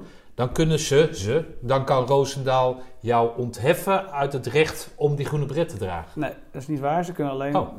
ze kunnen alleen ehm, ervoor zorgen dat je niet in, in, in de parate ploeg komt en dat je geen operator wordt, zoals het tegenwoordig heet. Oké, maar je blijft gerechten tot het Ja, dragen van die als, groene jij, bret. eh, als jij bij wijze van spreken eh, logistiekeling wordt, of je gaat bij een geneeskundige dienst werken, of je gaat bij een andere ehm, eenheidje binnen het KST werken, eh, dan ben je gerechtigd tot het dragen van Oh, de groene beret. oké. Ja, dat, dus al word je chauffeur, dan draag jij gewoon de groene beret, zolang je geplaatst bent bij het KST. Ah. Ga je bij luchtmobiel of bij eh panzerinfanterie werken, dan, dan eh, vervalt dat recht en dan draag je gewoon Oké, de die nou, daarbij het verhaal is dus heel anders dan, eh, Nou, dan er zijn verschillende wordt. verhalen, hè? altijd. Ja, ja, dit is mijn versie en eh, volgens mij klopt die wel op dit moment. Oké. Maar goed, Ja. dus we hebben dat Melsveld gehad, we hebben dat... VCO De VCO gaat, die, dat, dat, dat red jij dus allemaal. Dus jij mag het, die groene bret, daarom heb je hem nu ook op. Nou, Ehm, nu wat- niet op hoor. Hoe ziet dat leven er dan uit? Wat, wat, wat is je, wat, hè, je hebt een bepaalde ambitie, Ja. Maar hoe, hoe wordt dat geschetst? Nou ja. Schets eens hoe dat, hoe dat leven in elkaar zit. Nou ja, goed. eh, eh, tijdens de opleiding wordt al wel duidelijk in mijn periode, dus we hebben het dan uiteindelijk over 2002, dat wij ehm, ehm, die, die, die beret op mogen zetten. En de voortgezette commando- commandoopleiding eh, is ook in, in 2002. En dan op dat moment zijn er, is er al een missie gaande van de lichting voor mij. Die ehm, eh, ja, op dat moment best wel op korte notice to move, dus kort moment opeens ingezet werden in, in Macedonië. En dat was toen een, eh, nou, iets wat onverwacht kwam, maar wel in de lijn met waar we naartoe wilden. Op dat moment was het korps ook heel erg bezig om eh, binnen het politieke domein om zichzelf op de kaart te zetten en te zeggen van hey, luister, eh, wij zijn commando speciale operatieën, we zijn compleet opgeleid. eh, Den Haag, jullie kunnen ons gewoon inzetten. Doe dat eens een keer. En dat waren een van de, waren een van de eerste tekenen, want op hetzelfde moment speelde ook Afghanistan de eerste rotatie, dus in, vooral rondom Kabul speelde. Ehm, eh, er was ook een, ehm, dus, ja, daar zijn ook wat, eh, nou, de, de, het waren nog geen gevechtsmissies, maar de, dreiging was al hoog en er zijn ook wat, is ook een ongeluk gebeurd met een AED onder andere op dat moment met een mijn. Eh, dus de, de, de, nou, laat ik zeggen, de spanning, of dan wel de, de missies en, en hoe gevaarlijk ze waren, gingen al wat omhoog. Nou, Macedonië werd toen mijn lichting voor mij werd al ingezet. Of twee lichtingen voor mij eigenlijk. En wij kwamen toen al in de VCO en later toen we paraat gingen, kwamen we achter van oké, het, gaat, ja, het gaat wel mogelijk binnenkort gebeuren dat er, dat er wat, wat gaat spelen. Maar je, je kan natuurlijk nooit in de toekomst kijken, net zoals we dat nu niet kunnen. En eh, dus er was nog niet duidelijk welke missie hierna zou komen. En eh, nou, toen ik, eh, en dat, dat, is wel, dat is wel bijzonder denk ik. En daarom zei ik ook aan het begin, ehm, ik ben wat dat betreft met mijn neus in de boter gevallen. Ik werd commando. Ehm, en ik kwam bij de 104 eh, in de compagnie terecht. Er waren een aantal oefeningen gedraaid, realistische oefeningen met, eh, met eh, met parachutespringen en, en, en inzet en infiltratie, maar meestal wel op SR ge- ge- gefocust. En SR staat voor Special Reconnaissance, dus verkenningsmissies, waar we dan in het scenario achter vijandelijke linies heimelijk eh, bepaalde informatie moesten vergaren en dan weer terugtrekken, eh, exfiltreren. Nou, dat, zo werd ik een beetje opgeleid. Dus het groene werk, overigens het werk wat ik ook heel erg leuk vind. En eh, tijdens mijn specialisatie, want ik ben dan demolitiespecialist geworden, ehm, begon, ehm, eh, begon Irak te spelen.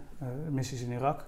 Dus de, de, eh, als ik me niet vergis, dit zijn dingen die ik nooit helemaal paraat. Maar voor mij was dat dan de, de Tweede Golfoorlog, als ik me niet vergis. Zeg ik dat goed? Eh, nee. Eh excuus, dat is Operation eh, Ira- Ir- Iraqi Freedom. Dus ehm, dat is waar de Amerikanen Irak binnenvielen om, om Saddam Hussein zeg maar, te vinden. Ehm, eh, op dat moment begon dat te spelen. En nou, toen ik dus nog niet zo lang paraat zat, ehm, ging ik, werd ik door de compie naar ehm Villendorf gestuurd voor een combat survival course. Dus het oude slimme streupers, zoals misschien de oud-gedienden wel, wel kennen, maar dan drie weken en dan echt zonder eten. En eh, ik zat midden in die opleiding. Daar bedoelt hij helemaal niks mee hoor. Jongens, daar bedoelt hij helemaal niks mee. nee, nee, dat, is, dat is overigens een zijstap, maar dat is een ontzettend mooie cursus eh, waar, je, eh, waar alleen maar nou, Special Forces eenheden van over de, nou, vanuit heel Europa en hiervan ook Amerika waarschijnlijk. Is dat te vergelijken met dat SAS-ding wat vroeger was? Ja, exact. Die. Ah, en, dan, en dan in Duitsland. En dus een soort gelijke opleiding met ondervraging. Alles wat erbij hoort, word je compleet voor opgeleid. En ga, onderga je daarna door het te doen. Maar in ieder geval, daar zat ik middenin. En eh, ik was ook al klaar aan het maken voor die, eh, voor die eh, ondervraging en dat soort zaken. Werd ik eruit gehaald tijdens die opleiding. Omdat eh, we met zeer korte notice to move eh, eh, ingezet zouden worden. Waar en hoe was totaal onduidelijk. Maar dat was voor mij mijn eerste uitzending. En dat was dus met, eh, met een eh, clubje van mijn eigen eenheid eh, naar, naar Irak toe om daar een, eh, nou ja, een speciale missie eh, te draaien. En dat was meteen als jonge, jonge vent, als jonge commando, eh, werd ik daar ingezet. En eh, nou, hebben we dat eh, de, voor de eerste keer gedaan. Oké. Jij zegt, ik viel met mijn neus in de boter. Dus jij, jij bent het type die, die daarom bijvoorbeeld in dienst is gegaan. Omdat je dat wilde, omdat Ja, je avontuur wilde. ja, zeker je, weten. Weet ik veel, Ja, uit een helikopter met weet ik veel wat. Dat wil je allemaal. Jij zoekt avontuur. Nou, ik zoek, ik zoek avontuur en ja, ik heb het ook gewoon spannend gevonden. En ik vind al- alle eerste keren zijn, zijn spannend op dat vlak. Maar dat is wel wat ik wilde en eh, ja, daar, daar wilde ik mezelf in leren kennen. Maar ook eh, uiteindelijk als je met, met je collega's allemaal op dezelfde manier getraind bent, dan ga, dan ga je dat op een gegeven moment ook willen uitvoeren. Als je alleen maar traint om het trainen. Ja, ja. Ja, daar, Eh, daar kan ik je me alles bij voorstellen. En, en dat, dat gaat niet alleen maar in de alle kleinste details, maar het gaat gewoon het, in ieder geval voor, als ik voor mezelf spreek, het mooiste aan militair zijn, en dat gaat geen eens om het commando zijn, maar is wat mij betreft ook gewoon eh, op uitzending zijn. Want dat is, dat, is, dat is echt, daar train je voor. Net als een politieagent, waar ik ook, eh, het politiewerk, heb ik ook gewoon ontzag voor. Die mensen staan elke dag operationeel eh, in het veld. En die, daar gebeurt elke dag wel iets anders. Soms iets traumatisch, soms een hele normale dag. En voor militairen is het zo dat je vaak opwerkt naar een bepaalde uitzending. En dan op uitzending is het echt. En dat geeft, ja, dat geeft dat, voor mij persoonlijk is, is dat waar het voor doet. En da- daar kan je gedeeltelijk of helemaal je werk uitvoeren zoals je daarvoor opgeleid bent. Oké. Dus jij gaat vol spanning, of nou, Ja, zeker. Vol Hè, ga je spanning, daarheen? Ja. Ja. Ja. sterker nog, het was, eh, het was best bijzonder in ieder geval voor mij. Want ik had toen een vriendinnetje en eh, ik was in die periode eh, bijna jarig, dus eigenlijk in deze periode. Ehm, en eh, ik zou dan drie weken later thuiskomen en dan zou ik daarna mijn verjaardag vieren. En dat was allemaal bedacht.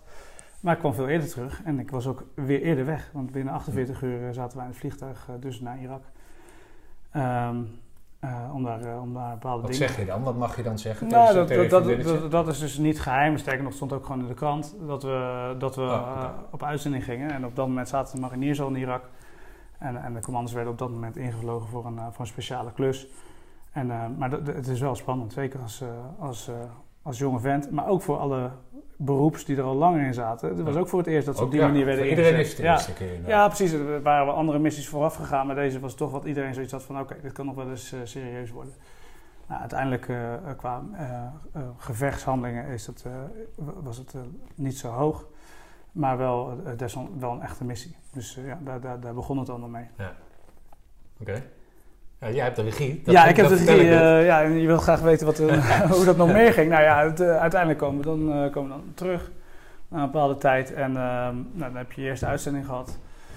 Hoe word je daar dan ontvangen? Ben je dan, ben je dan het is, een soort, is dat een soort, voelt dat als een ontgroening? Uh, Ja, jij, ja, bent dat niet, jij bent we niet van het opscheppige type, maar, maar hoor je jezelf zeggen, ja jongens, ja. Nee, nee. eh, Nee? Hoe word je ontvangen? Ja, goh, eh, iedereen is geïnteresseerd. Eh, dat is wat, ik, wat mij nog bijstaat. En vooral in, in het missiegebied zelf. dat je met eh, de mensen die in de ops werken, dus in de opsroom, mensen die het allemaal ondersteunen. Dus Ja. de, wat, eh, het zijn meestal de sergeanten, sergeant-majors en adjudanten die jou ondersteunen. Ja, de- het, het is toch een gezamenlijke operatie. En, en, en als je ziet dat je dan terugkomt, hoe, ja, hoe hecht die band is en hoe je elkaar eh, allemaal omhelst. En eh, als je je eerste missies hebt gedaan of je lange tijd in het, in het veld hebt gezeten. Want daar gaat het vaak, vaak ben je van lange tijd eh, niet o- op die compound waar je dan je missies hebt, maar je, in onze geval heten wij daar verkenningen. Ben je een lange tijd ehm, eh, van die compound weg en als je dan terugkomt, dan, eh, ja, dan, dan, dan voelt het als een geslaagde missie. Ja. En, en eh, heb je dus, eh, op die manier is iedereen eh, ja, verbroederd met elkaar. Maar ook voor die mensen in de ops was het dus ook vaak voor de eerste keer dat we dat soort missies deden. En eh, op de kazerne, ja, goh, ik heb daar eh, geen, geen idee meer van eigenlijk hoe, hoe dat werd ontvangen. Iedereen was op dat moment heel erg druk met veel oefeningen. Nou ja, wat ik gehoord heb, en dat vond ik wel Ja. een hele, hele mooie om dat te, te horen, is dat door die uitzendingen, zeg maar, het verschil tussen de oudere en de jongere generatie in één keer weg was. Omdat je gezamenlijk, zeg maar, Ja. een eerste ervaring had. En dat het daarna, weet je wel, Dat is misschien vanuit het perspectief vanuit de ouderen. Maar ja, ik had er geen Ja. last van. Ik was gewoon eh, een jonge Nee, die meteen om- wegging. Nee, tuurlijk. Maar er was, hè, nou ja, er zat een verschil dus kennelijk in tussen de oude Ja. generatie die eigenlijk alleen maar, eh, noem het maar, hè, gechargeerd het Panzerstorm en de Rukverzijde had gedaan. Ja. En de jonge garde die hè, eh, bereid was om, eh, om alles te doen. Die kerels zitten natuurlijk tegen een pensioen aan. Dus, maar dat viel dus weg omdat je dan gezamenlijk zo'n actie of zo'n zo'n missie uitvoert. Ja, Op wat voor gebied dan Ja, ook. Hè? Of je nou in het veld zit Ja. of wat jij dan zegt, eh, de ondersteunen. Maar dat het in één keer klaar was. ja want dat is, dat is nog, nog steeds eh, het bijzondere wel van Defensie. Het is, ze zeggen, het is ook al lang een slogan geweest, één, één team, één taak. Ja, dat, dat geldt dan zeker op zo'n missie. En da, da- dat vind ik zelf zo mooi van een uitzending. Is je zit in een missiegebied en eh, het, het, het hele collectief wat daar zit, heeft één... Het is één team, één Ja. taak. Iedereen ondersteunt elkaar. Of je nou helikopterpiloot bent en je vliegt van A naar B. Ja. Eh, of je nou eh logistiekeling bent en je zorgt ervoor dat iedereen te, te eten heeft. Ook super belangrijk. Het zijn allemaal belangrijke taken. En met elkaar zorg je ervoor dat die missie slaagt. Ja. En iedereen heeft zo op zijn eigen gebied eh, zijn specialisatie en hetgeen wat je moet Ja. doen binnen die missie. Maar dat, dat, dat verbindt en verbroedert heel erg. En dat zorgt inderdaad voor dat samenhorigheidsgevoel. Ja, want dat, dat, dat is dus ook, denk ik, ehm, hè, als, als buitenstaander, eh, eh, dat jullie dus, dus niet meer, ja, jullie hebben wel een rang, maar dat die rang niet meer, hè, in die aanspreektitels, het is niet meer Jean Major, maar het is Kees of zo. Het is, oh ja, maar dat, dat, die is... kantines dat is of die messen oh, zijn verdwenen, ja. alles wordt één. Ja, En dat komt, denk ik, of dat vind ik als burger, vind ik dat goed om te aanschouwen. Van, ja, wat heeft het voor zin om iemand kapitein te noemen als je met z'n tweeën onder vuur ligt? Ja, dan kan je maar beter Ja, goed, je, hoeft goed eens, eh, je hoeft er absoluut niet voor onder vuur te liggen om, eh, eh, zoals ik zou zeggen, normaal te doen. Iedereen spreekt elkaar bij zijn voornaam aan en iedereen heeft zijn rol binnen dat proces. En rangen zijn wel degelijk belangrijk, want het gaat om een hiërarchische verhouding ten aanzien van nou, sommige verantwoordelijkheids, zou zeggen, pro- processen. Dus, dus de luitenant of de PC van een ploeg, en eh, we werken toen met een groepje van acht, dus dan was hij, stuurde hij zeven man aan, waar vaak de helft nog eh, sergeant was of sergeant 1 en misschien één of twee corporaals. Dat is dus vaak eh, wat hoger opgeleide Ja. jongens die, die al wat mee hadden gemaakt, in ieder geval ervaring zat hadden en zelfstandig genoeg waren. Het enige is dat hij de eindverantwoordelijkheid heeft voor bijvoorbeeld een bepaald proces of een bepaalde taak. Eh, dus nou, in de omgang qua en hiërarchisch binnen het KCT, binnen die ploegen zoals ik dat gewend ben, en misschien wel ook binnen de compie waar ik zat in 104, eh, was dat, eh, bestond die wel, maar er was, en er werd ook wel waarde aangehecht, maar het werd niet, werd niet moeilijk over gedaan. Eh, sterker nog, het is gewoon normaal om elkaar bij de voornaam te noemen. Ja. En je weet gewoon wat ieder, net zoals dat je eigenlijk in de burgermaatschappij ook doet. Ja, de baas die heeft ook een pak aan en jij hebt ook een pak aan. Of, en, en je weet dat het je leidinggevende is, maar meestal gaan we redelijk normaal Nee, tuurlijk, maar dit is natuurlijk, weet je wel, in vergelijking met vroeger. hè, Ja, het zou kunnen. Ja. Zeker bij- in, in onze tijd was de, de volgens mij, dat niet op de kazerne, maar in het gewone, of gewone, buiten de kazerne, was die groetplicht al afgeschaft, zeg maar.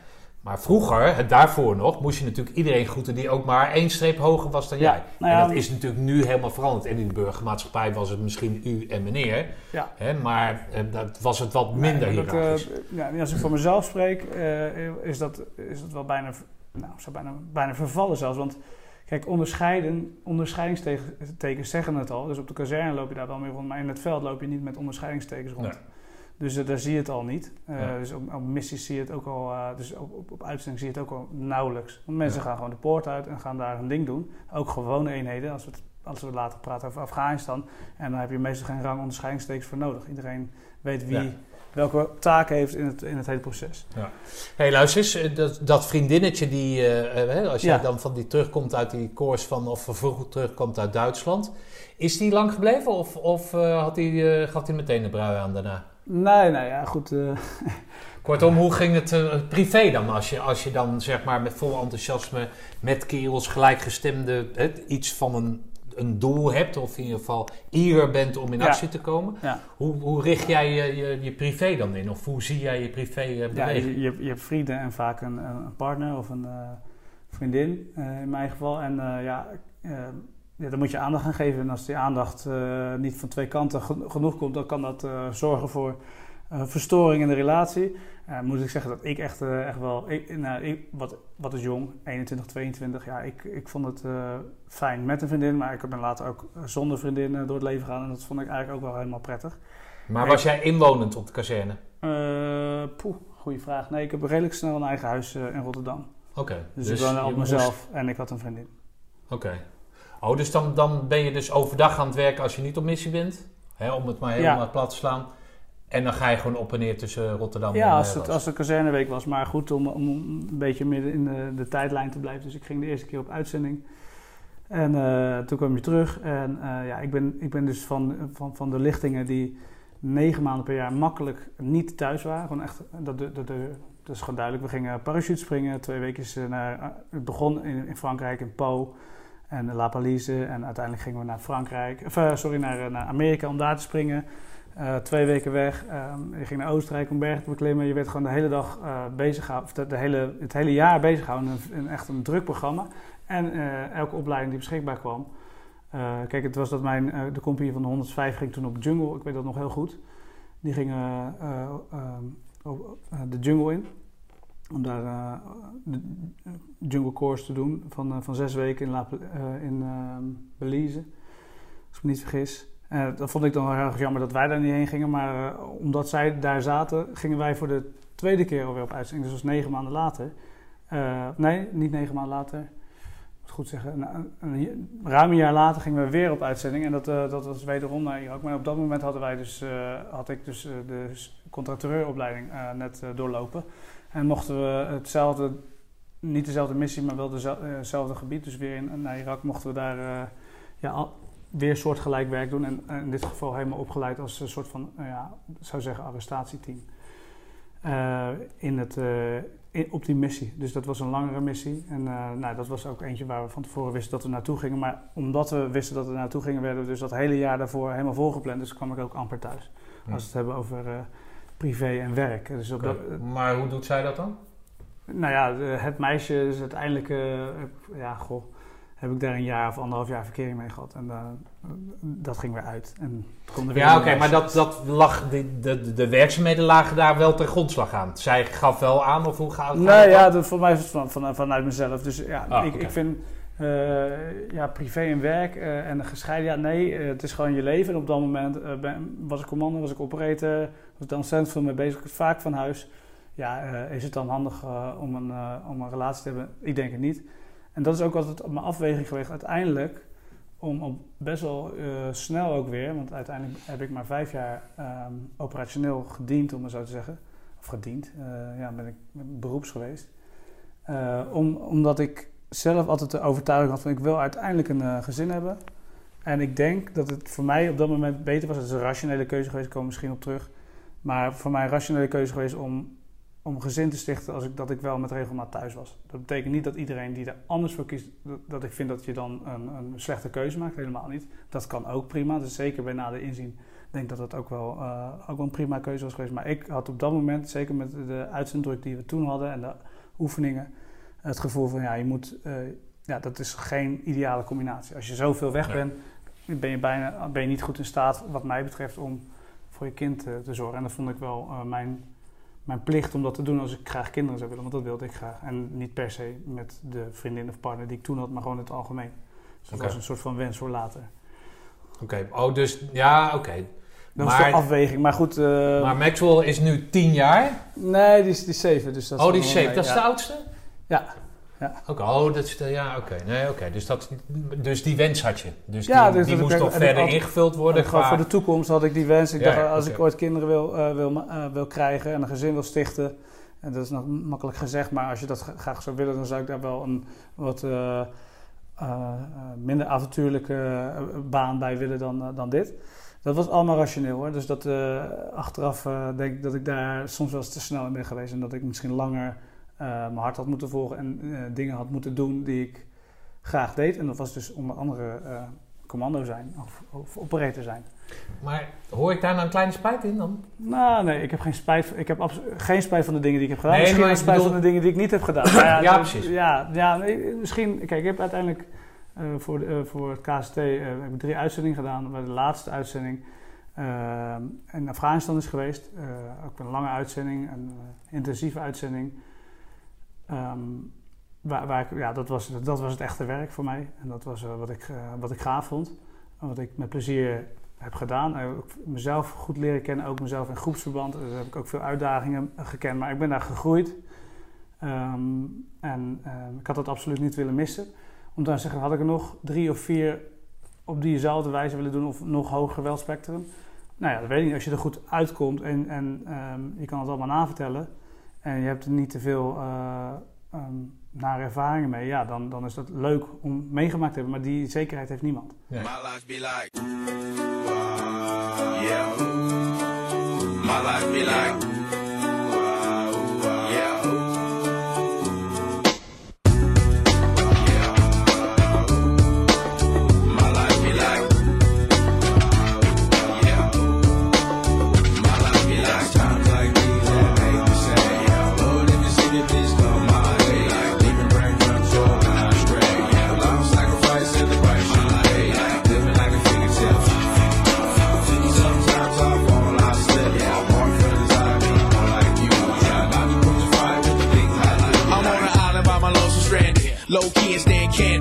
on all the things I try my hand at. Search for the equation to persuasions I'm used to. Find a comfort in the zones of clouds and bones I get used to. A mountain is Fontaine. Spinning in monsoon and grinning is high octane. Explosive how I came. Rolling down the hills cause life's a hassle. Encircled by my folly like a moat around the castle. Stay afloat. Catch a second wind. Thin is the air I breathe. Teary eyed nose running. Nou ben ik even de tijdlijn kwijt, Ja. want, want toen had je nog geen kinderen. Nee, nee. Of, Nee, ik heb nooit kinderen gehad toen ik eh, zeg Nee, maar oké. actief eh, militair was. Oké. Nou, dat is niet. Ja, nee. Toen ik actief militair was, heb ik geen, eh, geen kinderen gehad. Oké, dus, dus zeg maar, en dan nu, nu gaan we over een heel ander onderwerp praten, maar dan, dan het, je weet dat die wens aanwezig is. Je moet daar alleen nog een vrouw bij, bij kiezen, om het zo maar te zeggen. Ehm, en, maar- omdat je dat weet, eh, dat, dat bepaalt dus het pad of de. Ja, Of ook, niet? ook. Ja, kijk, ik ben ook gewoon iemand die. Ik heb een ontzettend mooie steile leercurve gehad eh, in, in, in ontwikkeling. Ik heb ook eh, heel veel ervaring opgedaan. Ik vind het heel belangrijk om, om, om zoveel mogelijk ervaring op te doen in het leven. Voor mij is dat zeg maar verrijking van je leven. Dat heb ik daar gehad. Maar ik ben ook altijd nieuwsgierig geweest naar het onbekende. En het onbekende is niet alleen. Ik was toen, dat is mijn eerste baan. Mijn eerste Ja. echte baan. Het, eh, nou ja, ik zou zeggen de hele wereld gezien, dat is overdreven. Maar ik heb wel veel gezien. Ja. Vooral veel militaire oefenterreinen en af en toe eens een lokale bar ergens. Ehm, maar ja, goed, eh, en, en je, en je, raakt echt, eh, echt goed bevriend. Ik heb eh, bepaalde collega's waar ik nog steeds heel goed bevriend mee ben. Mijn beste vriend is ook oud-commando. En dat, dat, dat is heel waardevol, maar uiteindelijk had ik ook zoiets van... oké, ik heb alleen maar HAVO gedaan. En ik ben, uiteindelijk was ik daar binnen het KCT... had ik een aantal specialistische opleidingen gedaan. Eh, had ik uiteindelijk drie uitzendingen eh, gedaan, opleidingen. Ik ben van, eh, corpora- van soldaat, corporaal naar sergeant gegaan. Ik heb een korte opleiding op de KMS eh, mogen doen. Dus best wel intensief in een hele korte tijd. En toen dacht ik, ja jongens, wat ga ik hierna doen? En, nou, en dat, dat zijn een van de dingen waar ik me nu ook wat meer mee bezig hou. Op dat moment, en dat, ehm, werd ik niet heel erg actief begeleid van wat is er nog meer. En hoe ziet de toekomst er eigenlijk uit. En er werd wel eens een functioneringsgesprek Begeleid gedaan. uit Defensie. Ja, uit de Defensie of Ja. binnen het KST zelfs. Sterker Ja. nog, ja, ik was heel eenzijdig opgeleid. Het is eenzijdig binnen het KST. Dus ik was commando speciale operaties en eh, dat was het beste en het, het snelste en het mooiste. Nou, dat is denk ik ook zo voor een heel groot gedeelte. Maar dat je ook, eh, nou ja, dan zeggen we PC kan worden bij luchtmobiel, of dat je helikopterpiloot eh, kan worden, of dat je daar een ondersteuning bij, de luchtmacht, of dat je, er is zoveel te doen bij Defensie. Maar op dat moment werd het, ja, was mijn plaatje, was Roosendaal, Rukve en af en toe, af en toe eh, op uitzending. Dat was ongeveer het vooruitzicht. Hm. En eh, ja, als je echt wat anders wilde doen, dan gingen jongens wel eens naar het AT van de politie. Of eh, ehm, een aantal werden contractor bij een buitenlandse partij om dan nog steeds weer op uitzending te gaan, maar dan voor meer geld. En dat sprak me ook niet zo heel erg aan, want dan had je weer hetzelfde principe. Ehm, ehm, dus ja, wat, wat wilde ik? Ik denk, nou ja, ik, eh, ik heb wel een, normaal stel hersens. Laat ik, eh, laat ik me dan weer gaan studeren. Dus toen, ben ik, toen heb ik gezegd, ja luister, ik wil graag een studie gaan doen. Kan ik dat eh, hier doen? Nou, dat was allemaal niet... Ik had toen, toen had je nog... ehm, eh, B- ik was BBT'er, beroepsbepaalde tijd. Dus ik moest elke contract tekenen. En ik heb twee contracten getekend. En uiteindelijk, toen ik die uitdiende, toen zei ik, nou, kan ik dan eh, een studie doen? Toen heb ik het eerste jaar van eh, mijn propenduizendjaar gekregen. En ik heb een, weer een rationele keuze gemaakt. Dat is ook een beetje een rode lijn in mijn, eh, mijn leven. Wat heb je gestudeerd dan? Nou ja, het, het is een Bachelor of Economics, maar het heet Management, Economie en Recht. Ja. Ehm, HBO-opleiding. En eh, dat deed ik deeltijd ook op maandag en donderdag naar school. En eh, de rest werken. Dus ik, En daar werd dan vrije tijd voor, of nou studietijd voor, voor ik, heb, aangereikt? ik heb het al een halfjaartje bij het KST gedaan. Oh, en de rest, daarna ben ik dus een baan in de burgermaatschappij gaan zoeken. Oké. En eh, nou ja, dat is ook een mooie ervaring voor de, eh, de commando die dan drie keer weg is geweest en van alles heeft meegemaakt. En toen kwam ik bij eh, een aantal brieven gestuurd waar ik dacht, nou dat is wel interessant. Een beetje semi-leidinggevende, vaak een uitvo- uitvoerend, uitvoerende functies of we- meewerkend voormanachtige functies. Nou, dat was allemaal bedankt voor de brief, maar eh, geen interesse. En dus ik denk, oké, dat... eh, Maar het geef eens aan, wa- wa- wa- wa- Ja, wat voor een branche dan? Ja, wel vaak in de, in, in de, in de veiligheid. Of in de, in, eh, ik heb ook zelfs bij een schoonmaakorganisatie een keer eh, dacht ik, nou dan eh, doe ik een soort leidinggevende daar. En een aantal van die wat grotere bedrijven, dus een beetje defensieachtige bedrijven waar ik Ja, dan eh, voor solliciteerde. Nou, dat, dat werd hem dus niet. Ehm, dus toen kwam ik op een gegeven moment bij een uitzendbureau, bij, bij Manpower. En toen liep ik daar naar binnen en toen vertelde ik mijn verhaal. En nou, dat raakte wel enthousiast van mijn verhaal. Die dames die er zaten, maar ze zeiden van, nou, wat voor diploma's heb je dan? Ik zei, nou ja, eh, nou, noemde ik een paar commandoopleidingen op. Daar hadden ze niks meer, hadden ze ook geen idee van wat het was. Dus ik had een beetje snipen, konden ze niet, eh, niet plaatsen. Precies. Ja, daar kon, je, daar kon je niet zoveel mee. Maar ja, en toen zei ik, ja, en ik kan ook met Excel en Word, eh loog ik bij elkaar. En eh, ik heb HAVO gedaan. En oh ja, ik, doe ook nog, ik ben op dit moment bezig met een HBO-opleiding. Oké, nou dat HBO-opleiding dat ik daarmee bezig was, dat sprak ze wel aan. En toen zei ze, nou weet je wat, Eh, anders probeer het bij ons. En dan eh, ga je als consultant hier werken. En dan word ik een soort van, eh, ga ik bij een uitzendbureau, kun je aan de slag. Dus dat was mijn eerste stap in de burgermaatschappij. Dat ging allemaal nog niet zo soepel. Nou heb ik een half jaar gewerkt, op zich veel geleerd. En het was ook, Maar dan neem je dus afscheid van Ja. Defensie. ja, dat, ging, dus dat liet ik... Is daar dan, ja, sorry dat ik dan Ja. de regie van jou onderbreek, Nee, maar is daar dan, dan niemand die zegt van, hé, hey, maar de- die Mansveld wil weg. Maar luister, wij hebben, weet ik veel, eh, drie ton in die keel gestoken aan eh, springen, weet ik veel wat. nog, eh, nog en- meer, denk ik, ja. Ja, maar wat, wat- wat, wat gaan we eraan doen? Nou, ze hebben te kijken, dat eh, vind ik wel aardig. Omdat ik daar later veel meer mee bezig ben geweest. eh, eh, om even jou meteen terug, eh, pakken. terug, te, terug te pakken. Ja, eh, drie ton erin gestoken. Nou, dat is wel meer. Ze hebben het soms over een miljoen. Eh, wat dat dan kost om een commando helemaal op te leiden conform eh, de, de, de nieuwe eh, richtlijnen.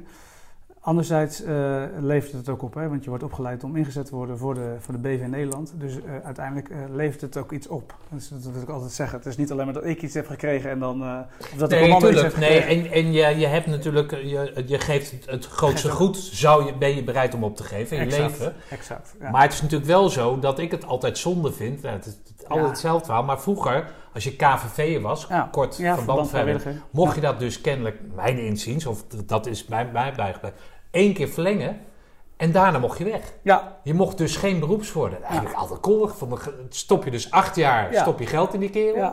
Binnen een hele andere organisatie toen natuurlijk. En daarna zeg je van eh, doei. Ja. Ik snap dat niet. Maar goed, dat is dus Nou ja, niet anders geworden. Of in ieder geval Nee, niet veel in anders. die tijd. Nee, heel veel systemen, ook nog eh, zelfs in de huidige tijdgeest. Dus de bedrijf, vredesbedrijfsvoering is gewoon nog steeds ja, log. Het is geen snelle organisatie als het gaat om vredesbedrijfsvoering. Dat is, dat is, dat is kritisch, maar dat is wel, als je het vergelijkt met andere organisaties buiten Defensie, ja, is, dat, is dat wel iets waar Defensie, kijk, Defensie heeft een enorme eh, personeelstekort. Maar alle bedrijven hebben dat. Dus wat moet je dan doen? Moet je een aantrekkelijke werkgever worden? Dan moet je, op dit moment is een van de thema's binnen, binnen Defensie behoud en werving. Het begint ook met behoud. Ja, wat ik, mijn eigen voorbeeld is het voorbeeld dat ik vaak ook meeneem in de. ehm, ik werk weer voor het KST en daar zit ik ook meer aan de HR-kant, de Human Resources kant. Daar heb ik ook eh, een bijdrage geleverd, in ieder geval van een HR-plan binnen het KST.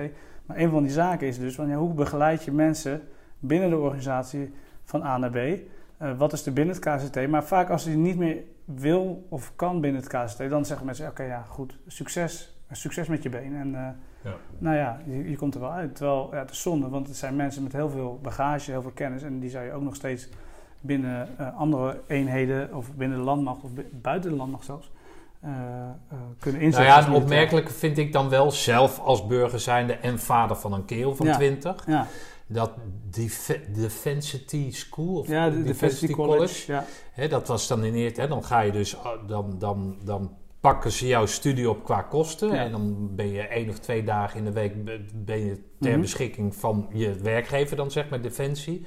En dan ga je, hè, je krijgt de, de, de, de, de toezegging dat je niet op missie hoeft.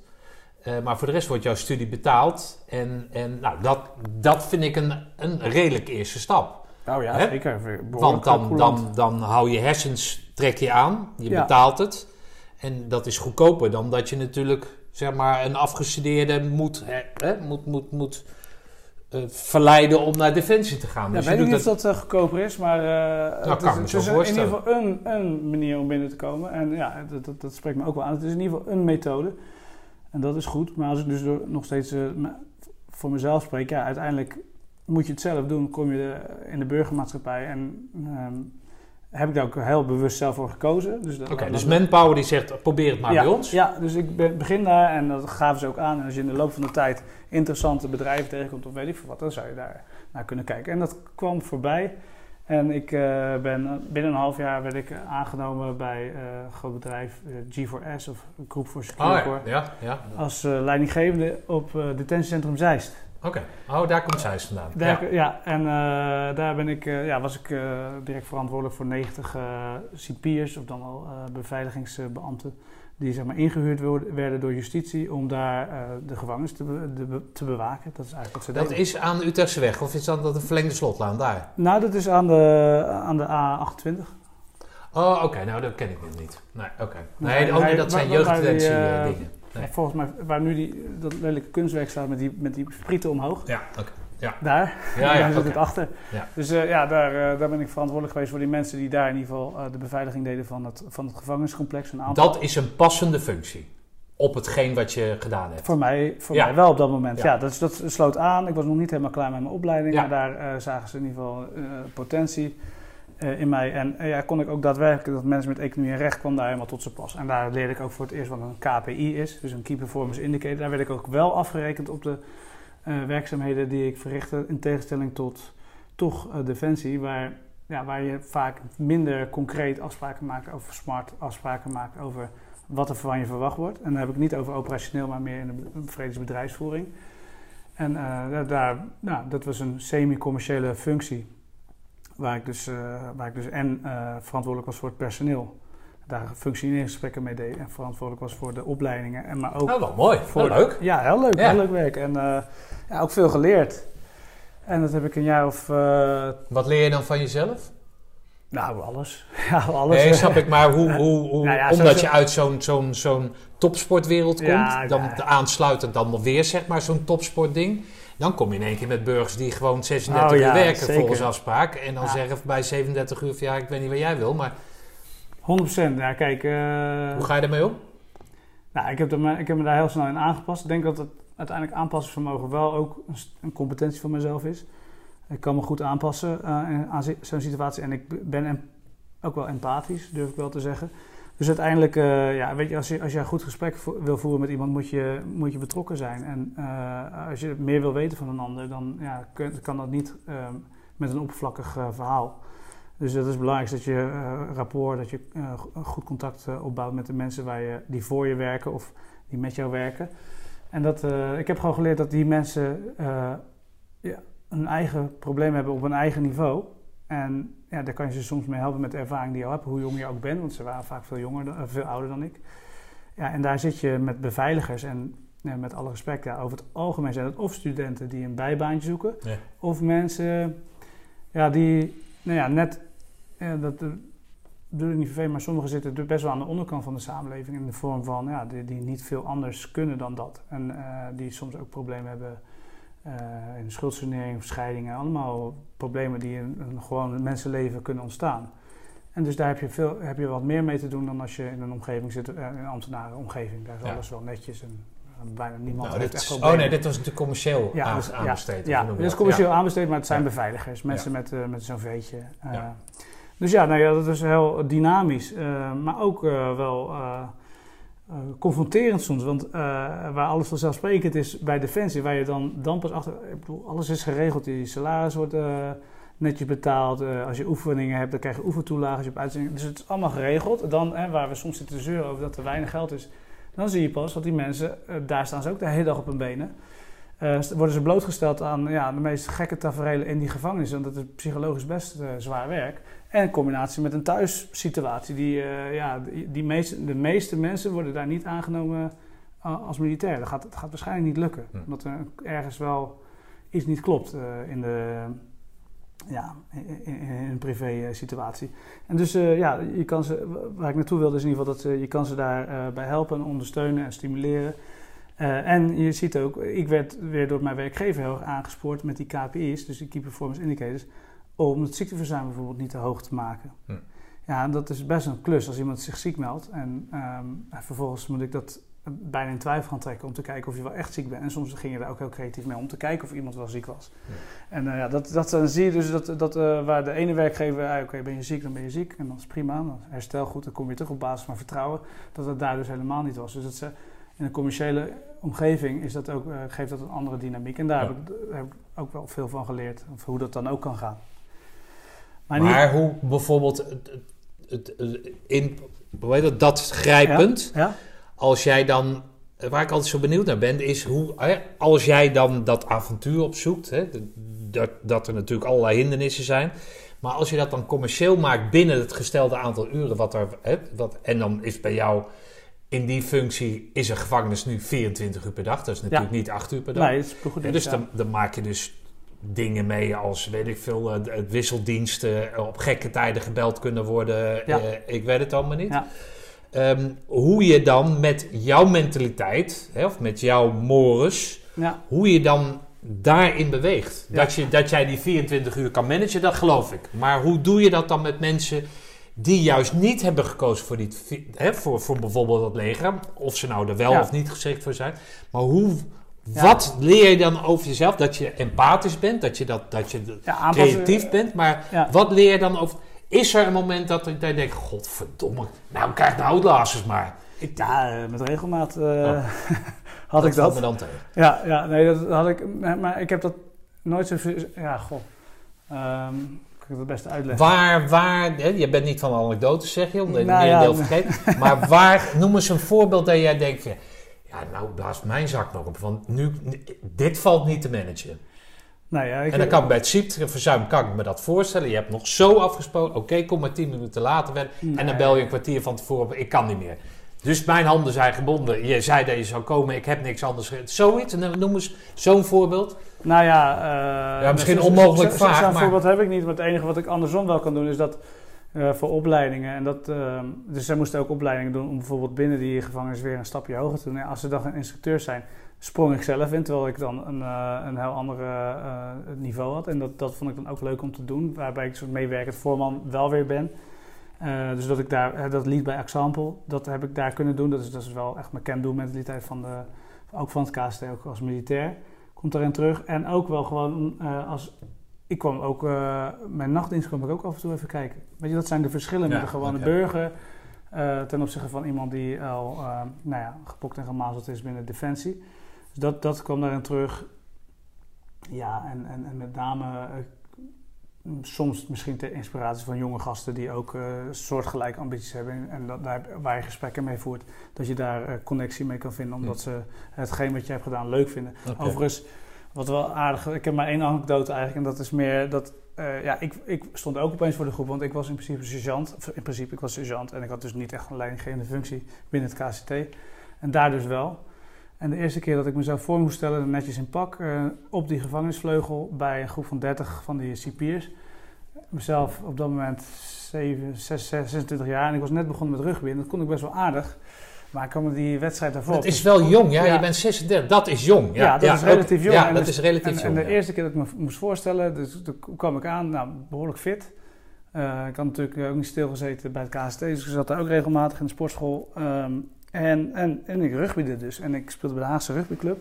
En ik had me daarvoor een stevige wedstrijd gehad en ik had me toch een blauw oog. Dat mag enige naam hebben. Dat Oh, dat is wel een helemaal dicht. helemaal donkerblauw. En, eh, en, en, en dus kwam ik de eerste dag inpakken met mijn donkerblauwe eh, dikke Oh, oog. Kan ik kan Ja. mezelf voorstellen, want ik ben nu, nu jullie nieuwe leidinggevende. De vorige was eruit met een burn-out. Dus eh, ja, eh, ik kwam het even over. ik, kwam- Ja, ik kwam het even van het spectrum. Dus ik eh. was wel, zeg maar, de, de, de jonge hond als leidinggevende die, die het allemaal wel even kwam doen. En niet dat ik denk dat ik dat... Nou, mensen hebben vaak de eerste indruk van mij, dat ik dat wel even kom doen. En dat is niet hoe ik het zelf voel, maar wel hoe mensen de eerste indruk van mij hebben. En daar leer ik ook, heb ik ook wel van geleerd hoe je misschien iets anders kan profileren. Of hoe ik iets anders op kan stellen. Omdat, ja, ik ben, me nooit zo heel bewust van hoe ik mezelf opstel. Maar dat, dat leer je dan ook. Dus echt mensenwerk eigenlijk. Maar dat was toch de juiste uitstraling op het juiste moment? ja, dat vind ik, eh, ja, ik vind het wel lachen, maar er zijn ook heel veel mensen die zien het, oh, dat, dat is er zo eentje, weet je. Die zien alleen maar eh Zo eentje, iemand die zich voor zijn bek laat slaan. Nou, iemand die ambitieus en eh, te- lekker wild, kort door de bocht is, wat ook wel klopte, op een bepaalde manier. Dus als, je, als ik graag wil, ik wilde graag als leidinggever, en ik wilde ook die hele groep meenemen, maar niet iedereen heeft er altijd zin in natuurlijk. Nee, oké. Ja, nee, dus dat maar zijn goed. dingen, word je Ja, geremd eh, door, door, door bepaalde, bepaalde mensen die het allemaal al wel hebben meegemaakt. Ja, oké. Dus nou ja, maar goed, eh nogmaals, leuke ervaring. En ehm, Maar daar ga je dan op een gegeven moment weg. Ja, ja, ja, zeker. Maar ik ben sowieso... eh Maar dat zit dan nog steeds opgesloten binnen dat manpower ding? Of Nee, ben je nee. los van manpower? wel los, joh. Dat Oh, is, ze hebben eh, jou niet gedaan. verhuurd en dan Nee, kom je elke keer terug, dat, want eh, dat zien had ik al snel genoeg door. Je moet, je, moet je niet laten verhuren door een organisatie. Eh, kijk, inmiddels ben ik ook ondernemer. Nou ja, als je, als je een klein beetje wil overhouden aan, aan, je, aan je eigen verdiensten, dan, dan moet je niet twee keer laten verhuren. Dan eh, kun je dat beter direct in loondienst. Ja. Dus nog steeds in loondienst, je werkt nog steeds voor een baas. Maar als je door een eh, uitzendorganisatie laat verhuren, dan, nou ja. ehm, nou, hopelijk, uh, dan in ieder geval verdienen ze goed aan je. En ehm, nou, op zich geen problemen mee. Maar het is in ieder geval dat, dat je daar... dat je beter gewoon direct in dienst kan zijn. Dus Ja. dat, dat lukte bij mij toen de tijd. Maar ja, toen was ik toch wel weer een beetje op mijn opleiding bijna af. Wat zeiden zij, ja sorry dat ik je onderbreek, maar weer. Maar wat zeiden ze binnen het korps eigenlijk? Die kerels waarmee jij op uitzending, in ieder geval waar je een band mee hebt. Wat, wat, wat zeggen die dan van die keuze? Nou, kijk, eh, ik moet eerlijk zeggen, dat de BBT'ers die, ja, toen de tijd, en dat heb je nog steeds, die komen en gaan. En, en eh, dat... eh, Maar een BBT'er kan toch ook een, hoe noemen ze iemand? Onbepaalde ja, tijd worden? BOT'er worden. Ja. Hè? En, en uiteindelijk is het nu, heb je fase 1 tot met 3. En iedereen kan, wordt in principe voor vaste dienst aangenomen. En je wordt bijna, ja, tenzij je echt iets geks doet, maar Nee, maar is het dan dus niet zo wat ik al eerder aanhaalde, dat iemand zegt, laten Ja, we met wel. Mansveld en laten we hem meer gaan betalen? Hoe, nee, hoe nee, zit ik dat ben, dan? ik ben, eh, toen, toen bij mijn afscheidsloopbriefje eh, werd me wel gevraagd eh, door de overste toen van, joh, goh, wil je niet naar de KMA? Ik zei, nou, ik heb mijn zinnen al gezet. Voor, op, op- ik wil weten hoe het buiten de poort is. Ik wil weten, hè, ze zeggen altijd gras is groener bij de buren. En ik zeg, maar ik wil het wel even, even checken. Ik wil zien hoe dat is en, eh, en dat is wat ik wil. Ik wil mezelf ontwikkelen, eh, laat me cognitief om me zo te zeggen, door die opleiding te doen. En dan kijk ik wel eh, daarbuiten. Ik had, eh, en dat wilde ik ook echt graag. En daar heb, ik, geen spijt van. Alleen wat ik vorige keer net zei, van ja, rationele keus geweest. Het is puur rationeel. Het is toch goed om een eh, HBO-opleiding of ik wilde ook nog universiteit gaan doen. Het is beter als je gestudeerd hebt. Nou, daar wil ik echt van terugkomen. Het is niet beter als je hebt gestudeerd. Het is niet eh, hoger is, is beter. Nee, eh, het is anders, een ander werk. Ik kan het toevallig, maar ah, ik, ik heb wel echt geleerd in die jaren. Heb je universiteit gedaan ook Nee, nog? ik heb geen universiteit gedaan. Uiteindelijk heb ik wel eh, een Die HBO afgemaakt? Ja, HBO netjes afgemaakt. Ja. Ook gewoon in vier jaar, eh, elke dag eh, naar school, eh, alles gedaan zoals het hoort. Eh, deeltijd, s'avonds. Met, die, eh, met werken daarnaast, gewoon 40 uur. Dus dat was een, een, een drukke periode. Maar ehm, ja, uiteindelijk ben ik dus eh, naar, de, naar de MIVD gegaan, naar de diensten. Ben ik weer teruggegaan naar Defensie, maar dan als burgermedewerker. En daar heb ik de rest van mijn carrière afgemaakt. Dus ik heb eigenlijk een onderbreking van eh, drie jaar gehad bij Defensie. Sinds de start, eh, toen ik 19 was, tot, tot nu heb ik altijd bij Defensie gewerkt. Met een korte onderbreking met dat werk eh, als leidinggevende bij een detentiecentrum. Dus dat is een beetje... Waarom, als jij dit dan zo zegt en dat je zegt dat je nu ondernemer bent, waarom ga je dan weer voor het ambtenaar zijn, om het zo ja, maar te nou zeggen? ja, goed, eh, als je dan... eh, Is dat de zekerheid die je hebt? Ja, dat is toch wel wat in het systeem zit. Het syste- familiesysteem zou ik bijna zeggen. Ja, je bent opgevoed eh, door een vader die dan die wat ehm, conservatiever is en, en ook zegt van joh, zekerheid boven alles, weet je wel, veiligheid, zekerheid, dat is belangrijk. En daar word je toch wel een beetje mee eh, opgevoed. Dus het is eh, rationele keuzes, zekerheid eerst, werkkansen voor, voor- voor- ja, een hogere opleiding is vaak beter betaald. Maar over, of het dan ook leuk is, dat, dat, Nee, dat komt er pas later. Ja, ik wil wel zeggen over die generatie van jouw vader. hè, dat, dat mijn, mijn vader, mijn ouders zijn iets jonger, of eh, iets ouder.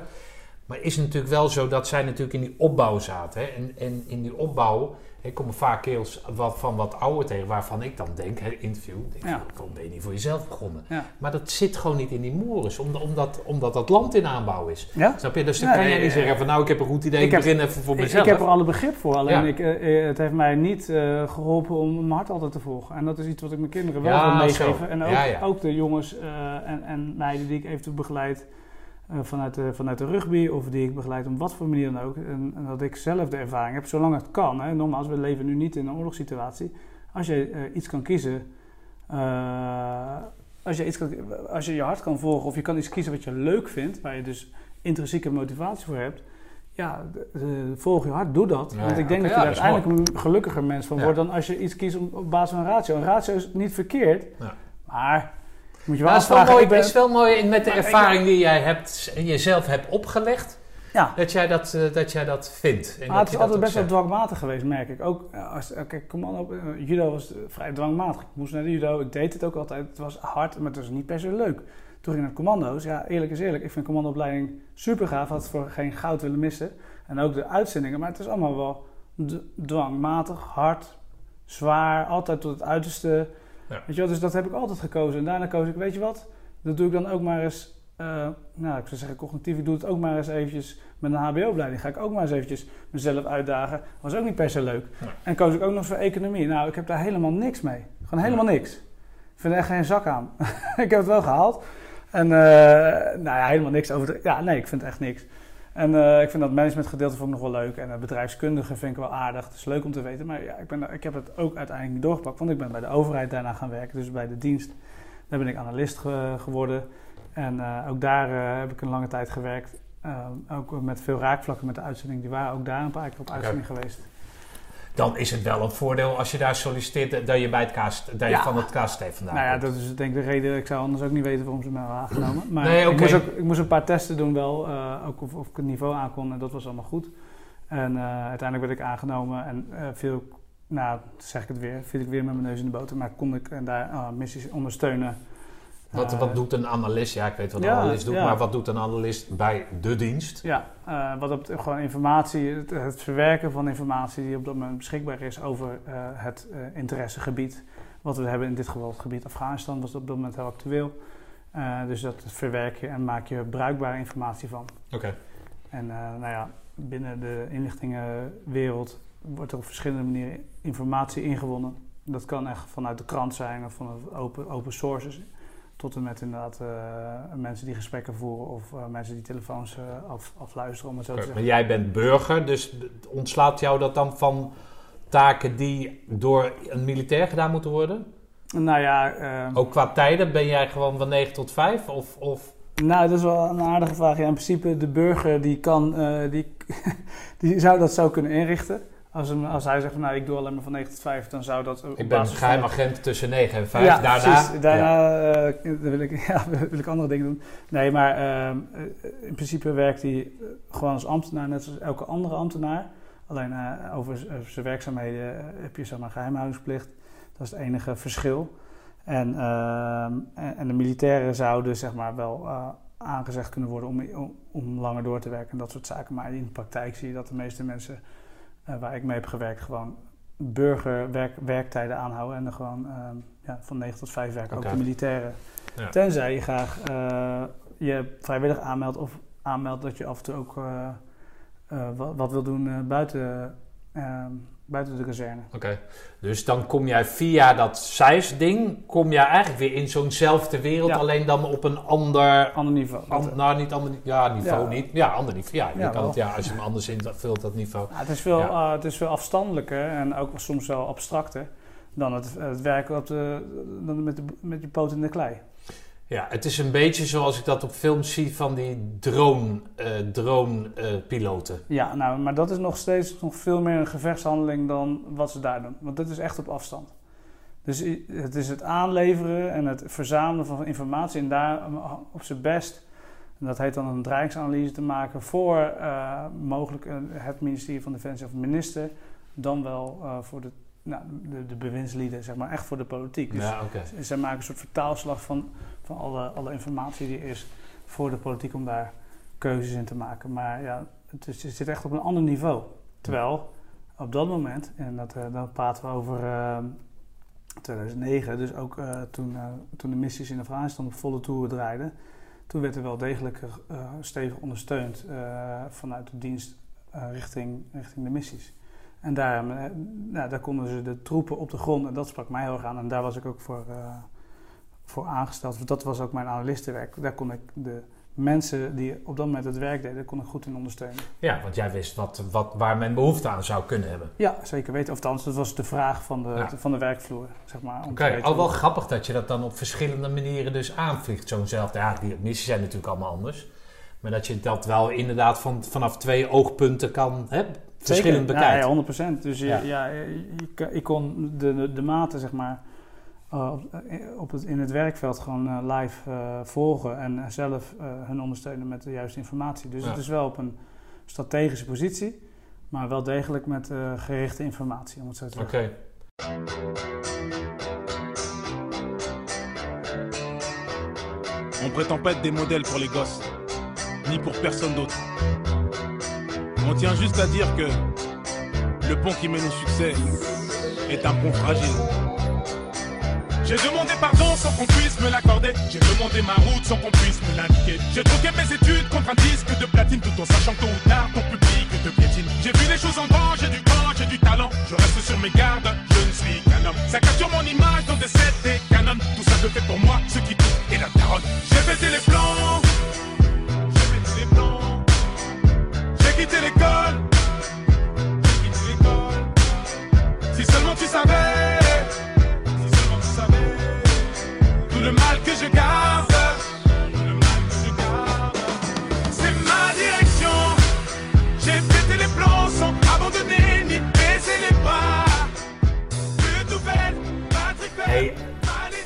Vind je dat dan leuk? Is, is dat dan wat je leuk vindt, ondanks dat dat Ja, weer iets ja. is?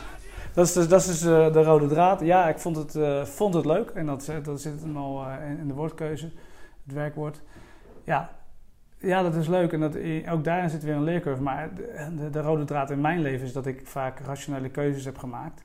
Eh, en dus dat je dingen doet omdat het verstandig is, omdat het beter is. Maar het is niet per se altijd leuk. En ik vond, ik heb bureauwerk, om het zo te zeggen, en ik doe het nu nog steeds. Soms met frisse tegenzin, maar bureauwerk eh, is, niet, eh, is niet waar ik voor gemaakt ben. Ik kan dat toevallig, maar het is niet wat ik leuk vind. En bureauwerk bedoel ik mee achter een laptop zitten of achter een pc. In ieder geval iets met een bureau en een stoel. Nou, ik heb- ben, sta liever voor een groep. Ik leg liever iemand iets uit. Ik, Ja, ik dat is die passie waar, waar, waar, we, het- Ja. waar we mee begonnen. Ja, dat is geen passie. Dat is, dat is precies eigenlijk... In dat werk, nee, daar zit de passie passie. niet. Nee, nee, daar zit de is- passie niet. daarom vind ik het minder leuk. Nee, oké. Maar jouw passie is dus... eh, nou, die ligt dus ergens anders. Dus eh, jij, jij bent je aan het oriënteren hoe het verder moet gaan in je leven. Je hebt afscheid genomen van, van Defensie, toch? Omdat, omdat je die kinderwens hebt. Ja, van, van het KST was dat. Nou ja, KST, nou ja, inderdaad. Eh, omdat, je die, omdat je je leven anders wil invullen en jij zoekt daarbij een goede manier om je geld te verdienen. Ja. Dan komt dat rugby, waar je op je 25ste mee begonnen bent, komt daarbij. Je weet het Nederlandse team niet te halen. Dan denk je van, nou weet je wat, dan ga ik het op een andere manier doen. Met, de, met hetgeen wat mij is aangereikt door het KST. Die normen, Ja. waarden, de Ja. kernwaarden, weet ik veel, de flikkers en meuk hoe dat allemaal heet. dat, eh, daar ga je op richten. Maar je moet je geld blijven verdienen. En je weet dat in dat rugby geen geld verdienen valt. Nou ja, nee, eh, ja, maar dat was dus wel voor het eerst dat ik dacht van ja, het kan geen geld in te verdienen zijn, maar waarom zou ik het dan niet nee, doen? precies. Maar dat, Ja. dat is dus je passie. Ja. Maar wanneer, want je werkt nu 24 uur per week bij het korps, Als reservist. ja, als reservist. ben dus- ik heb weer Wat is reservist? Dat heb je Ja. net opgezocht, want dat moeten we even duidelijk maken. Wat is reservist? Ja, dus een reservist bestaat eh, eigenlijk heel lang. Eh, ik bedoel, ook in jouw tijd had je reservisten volgens mij. Ik weet niet of je dat nog kan herinneren. Ja, ja. Nou, ja, je, je was dan een... Je ging dan op een gegeven moment op groot, groot verlof of zo. Weet ik wat. Als het Ja. echt nood aan de man was, dan kon je opgeroepen worden. Daar moest je die plunjeballen ook bewaren en je schoenen aan. Dat zijn dus reservisten worden, werden vroeger in het oude scenario, eh, waarbij wat je nog Oost tegen West had, werden ze, zouden ze opgeroepen worden als de, als de pleuris uitbrak, om zo te zeggen. Tegenwoordig ehm, eh, heb je nog steeds de Nationale Reserve. Dat is dus eh, onlangs zijn die weer ingezet in Limburg, toen die, die dijken daar doorbraken. En dan, dan leveren ze daar direct steun. Dus ze kunnen continu ingezet worden als er een nationale operatie is. Een van de kerntaken ehm, ehm, van Defensie ook. Maar de reservist, ehm, zoals ik dat eh, nu doe, en eh, velen met mij, ook binnen het KST, eh, is dus dat je voor. eh, ja, eigenlijk ben je een, een part-time militair. Dus ik ben militair in werkelijke dienst. Dus als ik het pak aan heb en opgeroepen word, of dus eh, als zij graag willen dat ik kom werken, op dat moment trek ik mijn pak in. Op dat moment ben ik een, ben ik een militair in werkelijke dienst. Waar een militair, een beroeps op dit moment, altijd militair is. Ook als hij het weekend thuis zit, is hij in principe militair. Hm. Dat is het verschil met de reservist. Die is alleen een militair op het moment dat hij opgeroepen is. Dus dat is het verschil. En dan ligt het helemaal aan wat voor soort werkzaamheden je verricht. Ehm, eh, en wat de afspraken zijn met, met de werkgever. En in mijn geval is dat, dat ik op dit moment eh, betaald word om 24 uur per, we- per week, dus drie dagen per week, eh, een bijdrage te leveren als staf, stafofficier. Oké, maar dat zou dus ook als sergeant of adjudant of whatever. Ja. Binnen alle geledingen van Defensie zitten reservisten. Sterker nog, op dit moment, dat, is, dat is wat wij binnen het KST wat nieuw leven in hebben geblazen. De reservist, en met name de oud-operators, of de mensen die nu eh, denken af te zwaaien en denken van ik ga een leven buiten het KST beginnen, buiten Defensie. Ik ga dus stoppen als militair. Eh, die wordt gevraagd op het moment dat ze de dienst verlaten, wil je eventueel reservist worden voor klussen als jij eh, een burgerbaan hebt ergens. Om dan op het moment dat we jou nodig hebben, om, om misschien jouw jouw schaarse capaciteit in te zetten binnen het korps. Dus denk Ja, aan dat- schiet- dus dat is wat we volgens mij niet met de band aan, of Ja. wat jij het verduidelijkte. Ja. Dat je dus het kapitaal niet Wegla- helemaal weg. helemaal weg laat Je- je- glippen, maar Ja, dat dus- je enigszins gebruik blijft maken van de De capaciteiten. organisatie ziet nu in van, ja god, het is best wel waardevolle ehm, capaciteit. Eh, en, en dat is ook een klein stukje bouw. Dus die mensen zijn uiteindelijk oproepbaar. En dan, wij doen dan met regelmaat uitvragen voor bijvoorbeeld, we hebben op dit moment een, een, een medische ondersteuning nodig. Onder andere in het hele corona-verhaal weer. En dan vragen we dus eh, medics of mensen met een medische achtergrond, militairen die nog wel eh current zijn, die vragen we voor bepaalde werkzaamheden. En dan kunnen ze weer als militair kunnen ze een pak aan en dan kunnen ze Oh, werkzaamheden ik weet verrichten. iemand voor je. Dat vindt hij geweldig. Ja, nou, ik ben benieuwd. Ja, Ja. Nee, maar dat, dat, is dus, eh, dat is dus vanuit het KST. Maar het kan ook bij bepaalde oefeningen. We ondersteunen ook bij opleidingen. En als mensen de juiste achtergrond hebben, kunnen we die matchen. En kunnen we vragen of, of zij geïnteresseerd zijn om voor een project of een gedeelte van een project of een eh, programma om die eh, ja, te koppelen en dan voor een bepaalde tijd in te zetten als militair. Moeten ze wel even vrijvragen voor- bij een werkgever of als ze zelfstandigen zijn, om te zorgen dat ze tijd hebben. En dat, zijn dus, eh, dat is dus het verschil. De reservist heeft er altijd een baan naast. Hm. Je kan dat niet alleen doen. Dat is zeg maar, anders zou je net goed beroeps kunnen worden. dus dat komt jou heel goed uit. Dat komt mij perfect uit, want ik heb eh, uiteindelijk na die... eh, Je hebt gekozen nu voor je passie. Hoe lang doe je dat al, dat, dat coachschap? Of in ieder geval die ambitie waarmaken van dat rugby? Ja, dat, eh rugbycoach, eh, dat, dat doe ik nu al tien jaar. En laat zeggen dat betaald. Want ik word er ook voor betaald. En ik sta zeker zes avonden per, per week op het veld. zes, vijf, vijf avonden en één, één dag. Weet je, de hele zaterdag gaat er wel aan op. En dat is los van mijn eigen kinderen. Want ik ben overigens geen, geen, geen echte jeugdcoach. Maar ik merk toch stiekem dat ik, eh, dat ik het wel hartstikke leuk vind om mijn eigen kinderen ook te coachen. Maar eh, ja, ik, ik train eh, de senioren van eh Ereklasse Club, eh rugbyclub De Hoekers in Hoek van Holland. Ja. En ik ben... Vijfde hè, van de 16 in de ere ja, heb je goed gezien? Ja, dat Ja, klopt. dat heb je me verteld. Ik onthoud het gewoon alleen maar. En, en nou, ik ondersteun ook bij de Rotterdamse rugbyclub. En ik, doe, ja, ik ben er gewoon heel veel mee bezig. Nou goed, maar dat doe je dus al een jaar of zes betaald. Ja. En daarnaast, dat lijkt mij echt de meest ideale combinatie. Nou maar laat ik mijn zin afmaken. En daarnaast laat jij je betalen door Defensie. Ja. En ondanks dat je dus een tijd bent weg geweest bij Defensie... en even een tussenstap hebt gedaan in, in, bij de dienst, hè, om het zoals het eh, genoemd wordt... Wanneer is die functie dan vakant geworden, deze functie als reservist? Heb je daar zelf op ge- gehunt of nou, heb hebben ze jou eh, gevraagd? Nou ja, goed, dat, ik, dat is eigenlijk een beetje.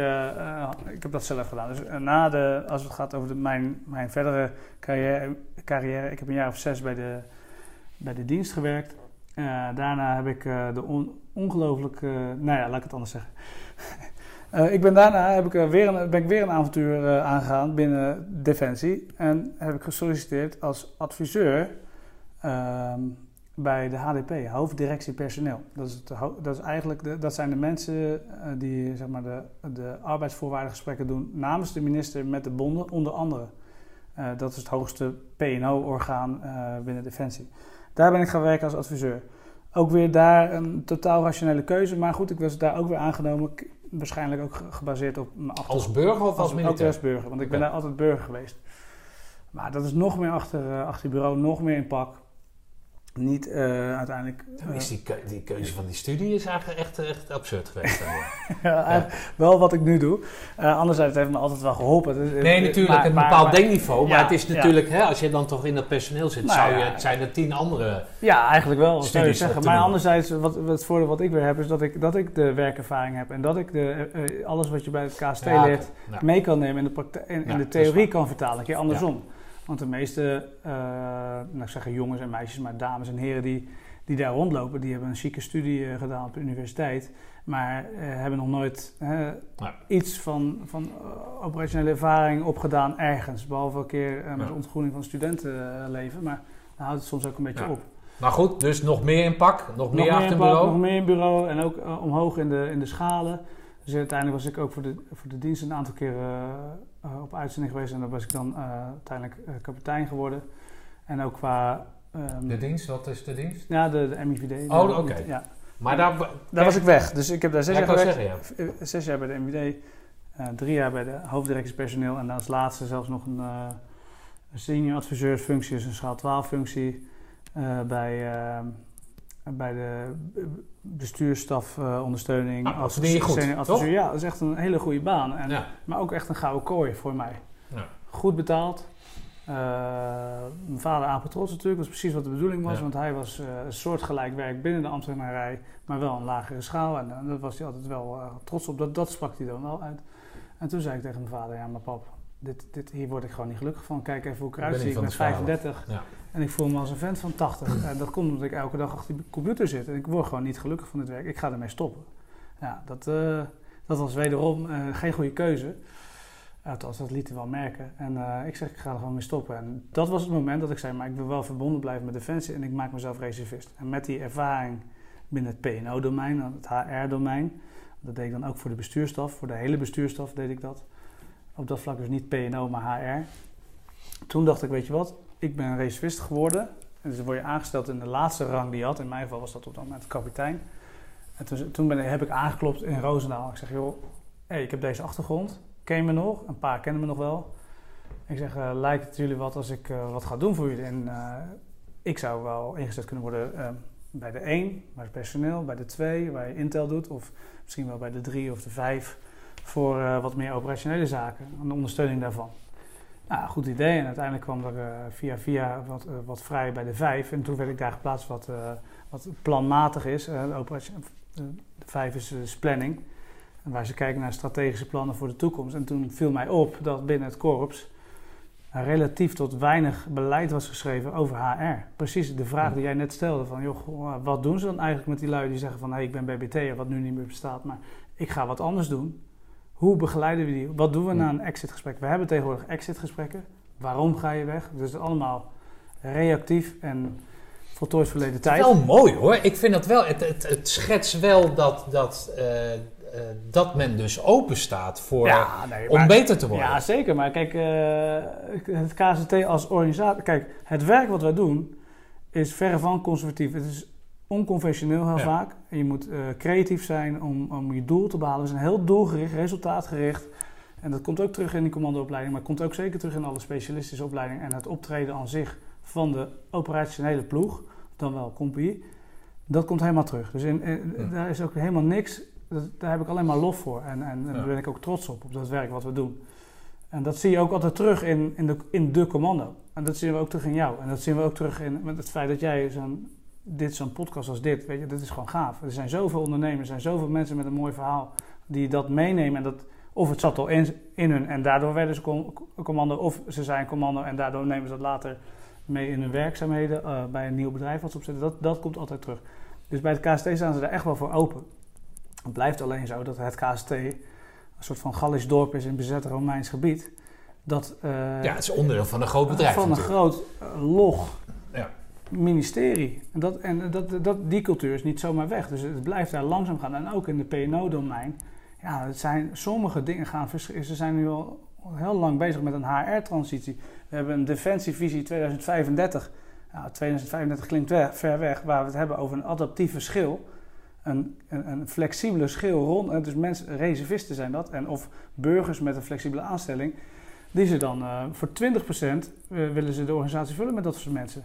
En ze komen nu, ze hebben nu 20.000 vacatures voor gewoon beroeps. Laat staan dat ze, dat ze flexibel personeel willen zijn. En, en dan is de cultuur nog niet zo ver dat we snel kunnen schakelen en daar handig op in kunnen springen.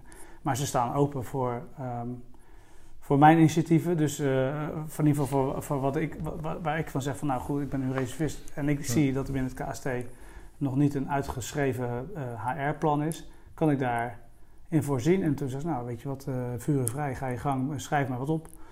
En eh, zo, zo is dat ook gegaan. Uiteindelijk heb ik een, eh, een, HR-plan kunnen...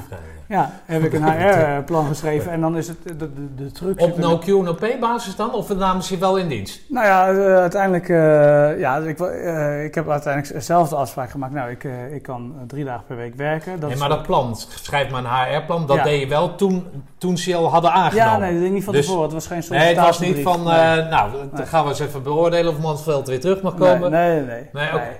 Dus dat is nog wel een beetje op basis van credits en op basis van je cv en wat je hebt gedaan in de tussentijd. Maar even wat er tussendoor, hè, met die flexibele schil, Ja. dat zit een beetje in datzelfde ding.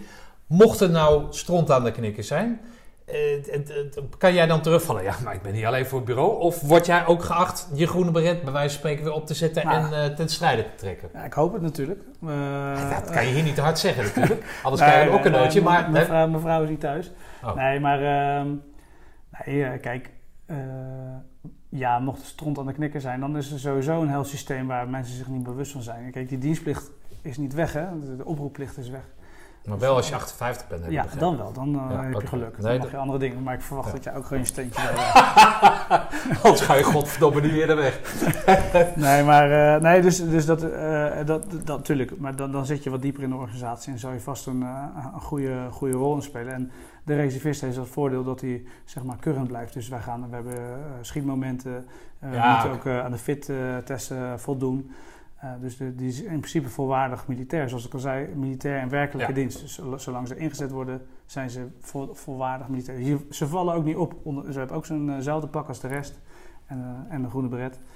Dus, eh, Oh, jij, daar- jij gaat als militair, begeef je op het terrein? ja, ik ben militair en werk. Nee, maar ik bedoel niet, niet, je kan niet zo in je gewone klofje je kan, eh, je kan tegenwoordig ook gewoon in je gewone klofje is niemand die je erop aanspreekt. Maar Ah, in oké. principe wordt je verwacht als je militair bent dat je een militair tenue Ja, op, de, op de kazerne eh, paradeert en dat je dan, eh, als je naar huis gaat, weer je burger aantrekt. Ja. Dan mag ik spreken, hè, als ik het een beetje eh, concludeer, dat je nu een prachtig leven hebt. Want dan heb je zeg maar aan alles geroken wat je, wat je wil. Je hebt door, die, door, de, door dat stringente beleid wat je op jezelf hebt toegepast, heb je een keuze kunnen maken van nou dat wil ik niet meer. Die heb je georiënteerd op een aantal dingen die passend zouden zijn bij. Hè, en Ja. ben zeg maar, heb je los kunnen maken van je vader en toch ben je weer teruggekomen op je oude nest. Ja. En die passie waar we mee begonnen, die bleef jij nu volledig. Ja, nou ja, ja, nee. Eh, dus ik ben zelf, eh, ik, ben blij als ik achter, achter, achteruit kijk of in de achteruit kijkspiegel kijk. Dan denk ik, ja, dat is best wel een leuke carrière. Ik vind het leuk omdat ik hou van eh, verschillende, ik hou van nieuwe inzichten, ik hou van een breed referentiekader. Dus op dat vlak ja. Ik heb ook mijn neus een aantal keer gestoken. Ik ben mezelf tegengekomen, met name in die, in, in die statische functies. Maar ik heb ook gewoon aangegeven, en dat is het leuke van wat ik nu doe. Kijk, eh, rugbycoach, daar, weet ik, daar wil ik helemaal in door uiteindelijk. En ja, het is nog niet betaald, maar ik haal er ontzettend veel plezier uit. En ik krijg ook vaak wat voor terug, waardering van de, spelers waar ik mee werk. Maar ik zie ook sommige spelers echt uitgroeien tot professionele rugbyers. Of die volgen echt een droom.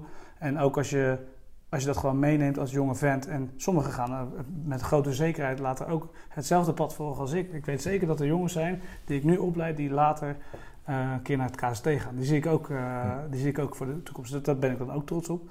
Maar ehm, het leuke aan dit werk is dat ik ben een reservist en ik ben dan verantwoordelijk. Ik ben inmiddels nu tijdelijk eh, major en ehm, eh, ik, ik mag dan die re reservistenpool die er is, mag ik dan enigszins, eh, het is nog niet formeel zo, maar het wordt waarschijnlijk eh, binnenkort geformaliseerd, mag ik die eh, enigszins aansturen en matchen. Dus dat is weer een beetje dat uitzendwerk.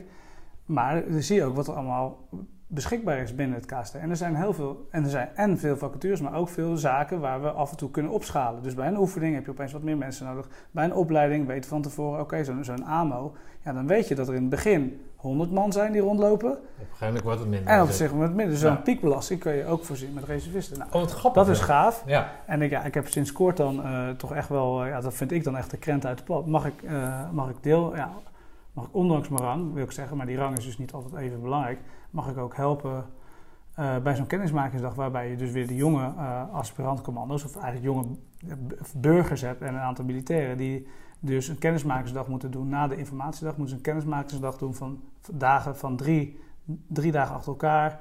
Worden ze eigenlijk eventjes aan een soort mini-commandoopleiding blootgesteld. Ja. Ja, dat is, dat, is, dat is super. En dat is het mooie van dit werk. Je, ik, ik mag daar ook af en toe aan meedoen. En dat, eh, dat, dat geeft heel veel voldoening. En dat is ook het leuke. Ik ben het liefst. Dus eh, ja, ik heb een voltooid, eh, ook, voltooide ja. carrière. Maar als ik heel eerlijk kijk naar waar ik naartoe wil, ondanks dat ik ouder word, wil ik toch weer steeds langzamer terug naar ja, het, het directe werk met mensen. Het directe werk met, laten we zeggen, opleiding en training. Dat is waar ik veel plezier en voldoening uit haal. En dat is ook wat ik eh, met mijn eigen bedrijf, want ik, uiteindelijk word ik ingehuurd door de rugbyclubs. En dat is ook wat ik, wat wat ik verder wil uitbouwen. oké. Dus clubliefde ken jij niet als eh, ondernemer. Het gaat gewoon keihard om de. Nou, d- daar ben ik, eh, nou, dat geeft, je geeft er wel eh, een mooie invulling. Nee, het gaat helemaal niet om de poen. Het gaat, maar het, uiteindelijk, ja, hoe zeg je dat? Eh, Gaat voor niks de zon op. De, de- de zon gaat voor niks op en de schoorsteen moet roken. Nee, ja, ik, ik hoop uiteindelijk, ik, ik verdien er een centje aan. En, Ja. en dat, doe, dat doe ik met mijn bedrijfje, en dat heet Robuust Rugby. En eh, dat, dat is ook eh, de hele insteek, het robuust maken van, eh, van, van rugbyspelers, maar ook misschien wel jongeren die zichzelf verder willen ontwikkelen mentaal. Dat is wat ik daarnaast doe, naast dat reservisten, Oké. de baan als reservist bij het KST. En ja, die combinatie, dat is iets wat ik, wat ik hoop nog lange tijd te mogen Ja. doen. Even een vraag tussendoor voordat ik de laatste vraag ga stellen. Maar jij zegt dus, hè, op een gegeven moment eh, eh, ben, is mijn brein ga- van wat wil ik nou eigenlijk, hè, toen je, toen je Ja. in, in Roosendaal zat. En, en dan besluit je, ondanks dat daar nog een geschikte pion bij gezocht mocht worden, moet worden, dat je een gezin wil, wil Ja, ja. hebben. En dat daardoor zeg maar, je toekomst toch eigenlijk al een beetje bepaald wordt. En daarom dat je de stap hebt gedaan die je gedaan hebt. Nou zeg je dat je eigen ondernemer bent. Ik kom niet echt uit een hele ondernemersfamilie, maar mijn vader is wel ondernemer geworden tegen wil en dank. Mhm. En nou, lang verhaal kort. Maar waar het eigenlijk om gaat is dat je dus nu dan zegt, hè, oké, ik ben uit dienst gegaan, want zo kan je geen, geen, geen gezin opbouwen. Maar nu ben je zes avonden ben je Ja, weg. ja. Hè, je bent 24 uur met de kans dat als er wat gebeurt, dat je alsnog de dingen doen, moet doen die je nou niet hebt afgezworen, maar waar je Ja. dan zeg maar. Hoe, hoe, hoe, wordt is, dat eh, hier verkocht? Waarom is het huis zo leeg? Vind ik- Wat, wat, wat- waar zijn die lui? Nou ja, ze zijn op school en, Ah, eh, en aan het werk, dus het valt mee. Ehm, nee, eh, Is jouw vrouw zo meegaand in, in het jouw dromen najagen dat Nou, zes dagen in de week? Of zitten ze samen met z'n allen aan de lijn? nou ja, Terwijl papa aan het coachen is of te trainen is of wat? Aan de lijn, hoe bedoel je? Langs de lijn, langs de lijn. Oh, papa Nou is er, nee, s'avonds. Ja, ja, nee, soms gaan ze mee, maar niet de late training uiteraard. Nee, go- goede vraag. En dat is ook eh, meteen een soort van levensdilemma. Dat is iets waar ik me van... Ik, moet, ik vind dat ik... eh, dit is mijn eigen leven en eh, daar zijn de kinderen en mijn gezin ook een groot onderdeel van. Dat is een groot onderdeel van mijn leven. Maar dat is, dat is wat mijn vrouw uiteindelijk ook zegt, maar wat ik zelf ook vind. Kijk, je kan twee keuzes maken. Ik, ik kan een, een rationele baan kiezen waar ik een gouden kooi zit, waar ik elke dag van eh 9 tot 5 eh, aan het werk ben en niet gelukkig ben. En eh, zeker met minder energie weer thuis kom. Of ik ben niet op gezette tijden thuis. En doe iets waar ik heel veel plezier uit haal en kom met, met veel meer energie thuis dan, dan in de andere setting. Waar kies je dan voor? En dan is ook vanuit de thuisfront gewoon duidelijk aangegeven. Ik heb liever dat jij het naar je zin hebt. dan dat jij, want ik ben ook wel eens de zagrijnige Arno geweest met regelmaat. Maar dat ze aangeven van, nou, ik heb, geef jou liever die vrijheid die jij nodig hebt. En dat is ook de reden waarom het eh, mijn huidige partner is. Want anders zou het hem ook niet worden. Daar ben ik heel, heel direct in. Als, als, ik, als mijn partner me niet de ruimte zou geven die ik nu heb, dan zou het ook mijn partner waarschijnlijk niet zijn. Dus makkelijk gezegd, maar dat is wel een soort van voorwaarde die ik zelf stel. En andersom krijgt diegene ook gewoon eh, de ruimte die, eh, die hij of zij eh, nodig heeft. Of hij, zij. Maar even praktisch ingevuld. Het is nu, weet ik veel, twee uur, drie uur. Ja, Hoe laat ga jij vanavond weg? training geven bedoel je? Ja? Half, even kijken, half zeven. Oh, half zeven ga je weg. Oh, Ja. dus dan zou je daarvoor nog kunnen eten. ja, en- ja, dus ik probeer het Ja, wel met z'n allen. Eh, elke avond thuis. Dus dat, is, dat, is ook een, eh, dat zijn ook van die, van die dingen. Ja, Maar ja, ik, goed. ik dacht om een uur vier zak je daar af, ga je, we- weet ik van. Dat is het. Dus Nee, je ziet die nee. kinderen dus, Nou, ik zie mijn je kan kinderen ze zeker nog een soort naar bed brengen Ja, zelfs, ik, bijna. ik- ik- eh, ja, maar mijn vrouw... Polly sowieso. mijn vrouw- Knokkennootje zou- en eh zou kunnen, keer maar, en dan je bed in. Breng mijn vrouw nog niet op ideeën. Nee, ja, ik breng ze ook, ook wel eens naar bed, maar het leeuwendeel doet, mijn- doet, doet, doet mijn vrouw. En, ehm, en daar ben ik ook heel erg dankbaar voor. En dat is ook ja, hoe, ik het, hoe ik het voor me zie. En ja, het punt is, andersom kan ik me daar bezwaard aan voelen. Dat voelde ik me ook heel lang. Omdat ik dat, die, eh, die afweging al op jonge leeftijd maakte. Maar dat was een rationele keuze. En als ik nu kijk naar, alle, alle topcoaches in welke sport dan ook. Gaan die ook, eh, werken die ook van 9 tot 5? Nee. Gaan rustig die- aan maar. Hè? Ja. Arno, het is gewoon een vraag, hè? Ik probeer alleen maar even... dit, is, dit, is mijn, dit is mijn bevlogenheid. Nee, die gaan ook niet. En die maken ook nee, maar je offers. snapt toch dat het... Dat het tuurlijk. Nou, maar top, die en... Nee, tuurlijk. Ja. Maar dat snap ik. Nee, maar ik snap het wel. Ja. Maar ik vraag me alleen af hoe die kinderen... Hè, hoe, hoe, Ja. En vooral je vrouw. Ja, nou, maar vooral de, ik vind vooral de kinderen, want ik, mijn vrouw, eh, die is een volwassen persoon, die, die, die is daar gewoon eh, bewust maar die bij kinderen weten niet anders. En die, en die, nou ja, dat zeg je, maar later, want ik verwijt mijn eigen eh, ouders ook wel eens eh, wat, hè, de keuze die zij maken. En dat kunnen zij later ook doen. Maar ik hoop dat ze ook weten van, oké, als je een keuze maakt waar je echt in gelooft, en waar je echt, als je echt je hart volgt, dan is het nooit een verkeerde keuze. En ik vind dat wel belangrijk dat ze dat ook inzien. En ja, je hebt verantwoordelijkheid voor je kinderen, maar eh, is het dan dat je ze naar bed brengt, een verhaaltje voorlezen, maar zonder bevlogenheid of passen als va- vader bent? Of is het dan dat je iets doet wat je heel erg leuk vindt, waar, je, waar zij van zien, goh, het kan ook leuk zijn op je werk. Eh, en het op die manier eh, eh, ervaren. Ja, ja. En hij is dan misschien wat minder thuis, maar dat is een referentiekader Ja. dan. Ja, ja, dat is mijn, mijn, maar dat is mijn Ik wil eigen vandaag het, utopie, hè? mijn, mijn, vo- een voordracht hebben over mijn vader. ik hoop dat ik er een hoog cijfer voor krijg, maar dat kan niet anders met dat verhaal. hey, luister eens, wat, wat de, de centrale vraag is, hè, is altijd van wat heb je aan die groene beret eh, gehad in je leven? Hoef ik eigenlijk niet te vragen aan jou. Of Nee, wel? nee, weet ik niet. Nou, bij deze. Oké. Nee, ehm, eh, het, is, het is voor mij is het absoluut een bevestiging geweest voor wat, wat ik zocht. Dus, eh, dus de, de, de kernwaarden van, van, het- van het korps komen daar helemaal aan terug. Maar met name doorzettingsvermogen, dat ik iets kan, dat je iets bereikt. Dus het is echt een bevestiging van wie je bent en wat je kan. waar je toe in staat bent. Dus dat, dat geeft en uiteindelijk eh, zie je dat het de rest van, van je leven, dat je al die kerncompetenties die, die je dan bezit als commando, dat je die ook in je werkzaamheden en je privé en kan toepassen.